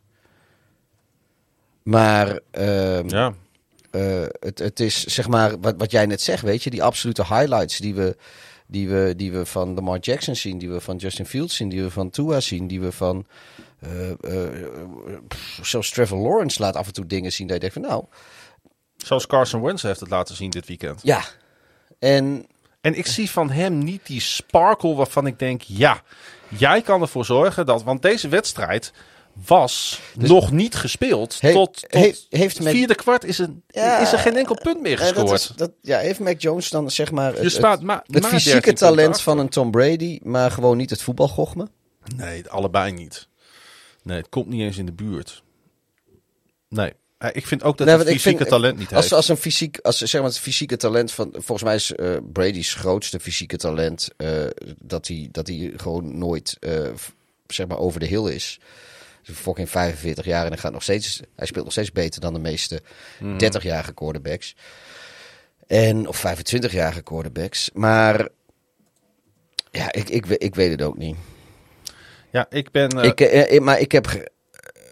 weet je, ik, ik heb heel vaak roep ik hier dingen als van zolang eh, Mike Tomlin coach is van de Steelers, geef ik hem het voordeel van de twijfel dat ze in ieder geval geen losing record gaan hebben en misschien zelfs de playoffs wil halen. Bijvoorbeeld zolang. Eh, en, zo zijn er wel meer dingen. eh, ook die ik teams in het nadeel nadraag. Zoals bijvoorbeeld bij de Lions heb ik daar een mening over. Eh, ik heb bij de Patriots aan de ene kant wel zoiets van... Weet je, ik, ik vind dat ik Bill Belichick altijd het voordeel van de twijfel moet geven. Maar hij, hij stond een beetje verloren bij. Nou, dat komt ook omdat ze ervoor hebben gekozen bij de Patriots. Om gewoon die hele passing game een non-factor te laten zijn. Dat was vorig jaar al zo. Hè, dat, is, eh, dat is het duur komen te staan in die wedstrijd tegen de Bills. In de playoffs, waar ze Ja. weggevaagd zijn omdat ze geen fatsoenlijke eh, eh, play in huis hadden. En die 1, 2, 3 passes. Jacoby Myers ving toevallig een geweldige pass eh, van, van Mac Jones. Maar dat is eigenlijk het enige hoogtepunt wat ik heb gezien. En notabene de enige touchdown die de Patriots hebben gescoord deze wedstrijd werd gevangen door een running back, door Ty Mo- Montgomery. Dus ik, ik, ik zie gewoon niet. eh, ik zie wel hoe de defense dit team af en toe een overwinning kan brengen. Niet tegen deze eh, Dolphins, die gewoon te veel offensieve kwaliteit op dit moment hebben. Om, om niet een paar scores in de wedstrijd neer te zetten. Maar als jij zelf maar zeven punten weet te maken. in een doorzichtige passing offense. Want ik heb het idee dat, dat eh, Bill Belichick zich alleen maar focust op de defense. Dat hij helemaal niet zoveel bezig is met wat de aanval doet. En ik denk toch dat hij zich daarin vergist. Dat het automatisme, wat jij net zei, wat er onder Tom Brady was, Ja. dat heeft hij niet met Mac Jones. En dat gaat ervoor zorgen dat de Patriots een heel erg eh, lastig en ik denk zelfs voor de fans vervelend seizoen gaan spelen. ja. Dus ik heb niet zoveel goede hoop voor de Patriots. Nee, voor de Dolphins daarentegen. eh, wat ik zeg, Tua, die, eh, ja, die speelde gewoon best wel goed. Hij heeft, kijk, hij heeft eh, die diepe ballen zat er niet echt in. Ik geloof dat zijn langste completion was een yard of 20. Zeg maar, als vanaf het moment waar die, vanaf de plek waar hij, is, of eh, zeg maar, voor 20 vo- yard voorbij de line of scrimmage, waar die bal gevangen werd. Ik, ik moet eerlijk zeggen, eh, hoe dat met yards after catch zit dan, dat, dat is niet altijd voor de quarterback. Maar dit is gewoon puur en alleen even de passing talent van eh van Tua. Ik, ik, ja, eh, eh, ik vond het prima. En tegen een team, de Patriots hebben over het algemeen staan ze bekend om een goede defense. Tua heeft zich uitstekend geweerd. En eh, ehm, ja, ik, ik ben eigenlijk wel weer in de. Ik, ma ik maakte net een beetje een grapje over, over de, de, de Tuanen en de Tua Truthers en wat dan ook. Maar ik begin er wel weer in te geloven. En ik wil er ook in geloven, want ik wil. Aan de andere kant, hij heeft maar één touchdown gescoord. Eh, de, de Dolphins hebben maar één echte touchdown gescoord. Nee, dat klopt. Maar Aanvallend. heel veel was er waren ook nodig. field goals. En er was natuurlijk die fantastische interceptie. interceptie Ja. Nee, maar door de- Ingram nee, eh, de- binnengerend. De, de defense die heeft zeg maar de, de baan vrijgemaakt voor een, een, een, een vrij rustige wedstrijd voor Tua, waarin je ook niet heel veel druk had. Maar weet je, laat hem er maar lekker langzaam inkomen. Want, want er, zijn voor, er zijn ook wedstrijden geweest waarin hij ook niet veel druk had, waar die eh, niet zo voor de dag kwam. Nee. En eh, ik blijf erbij wat ik vorige keer ook gezegd heb. De NFL is mooier als Tua goed is. En ik wil gewoon dat dat gebeurt. En En het, het- dit gaat gewoon een beetje de goede kant op. Ik hij is er nog niet. Maar de weg die kant op is wel ingezet wat mij betreft. En het laatste wat ik over deze wedstrijd ga zeggen. Want het is een beetje de kikkers die de show stelen. De Dolphins hebben wel een goede kikker natuurlijk met Jason Sanders.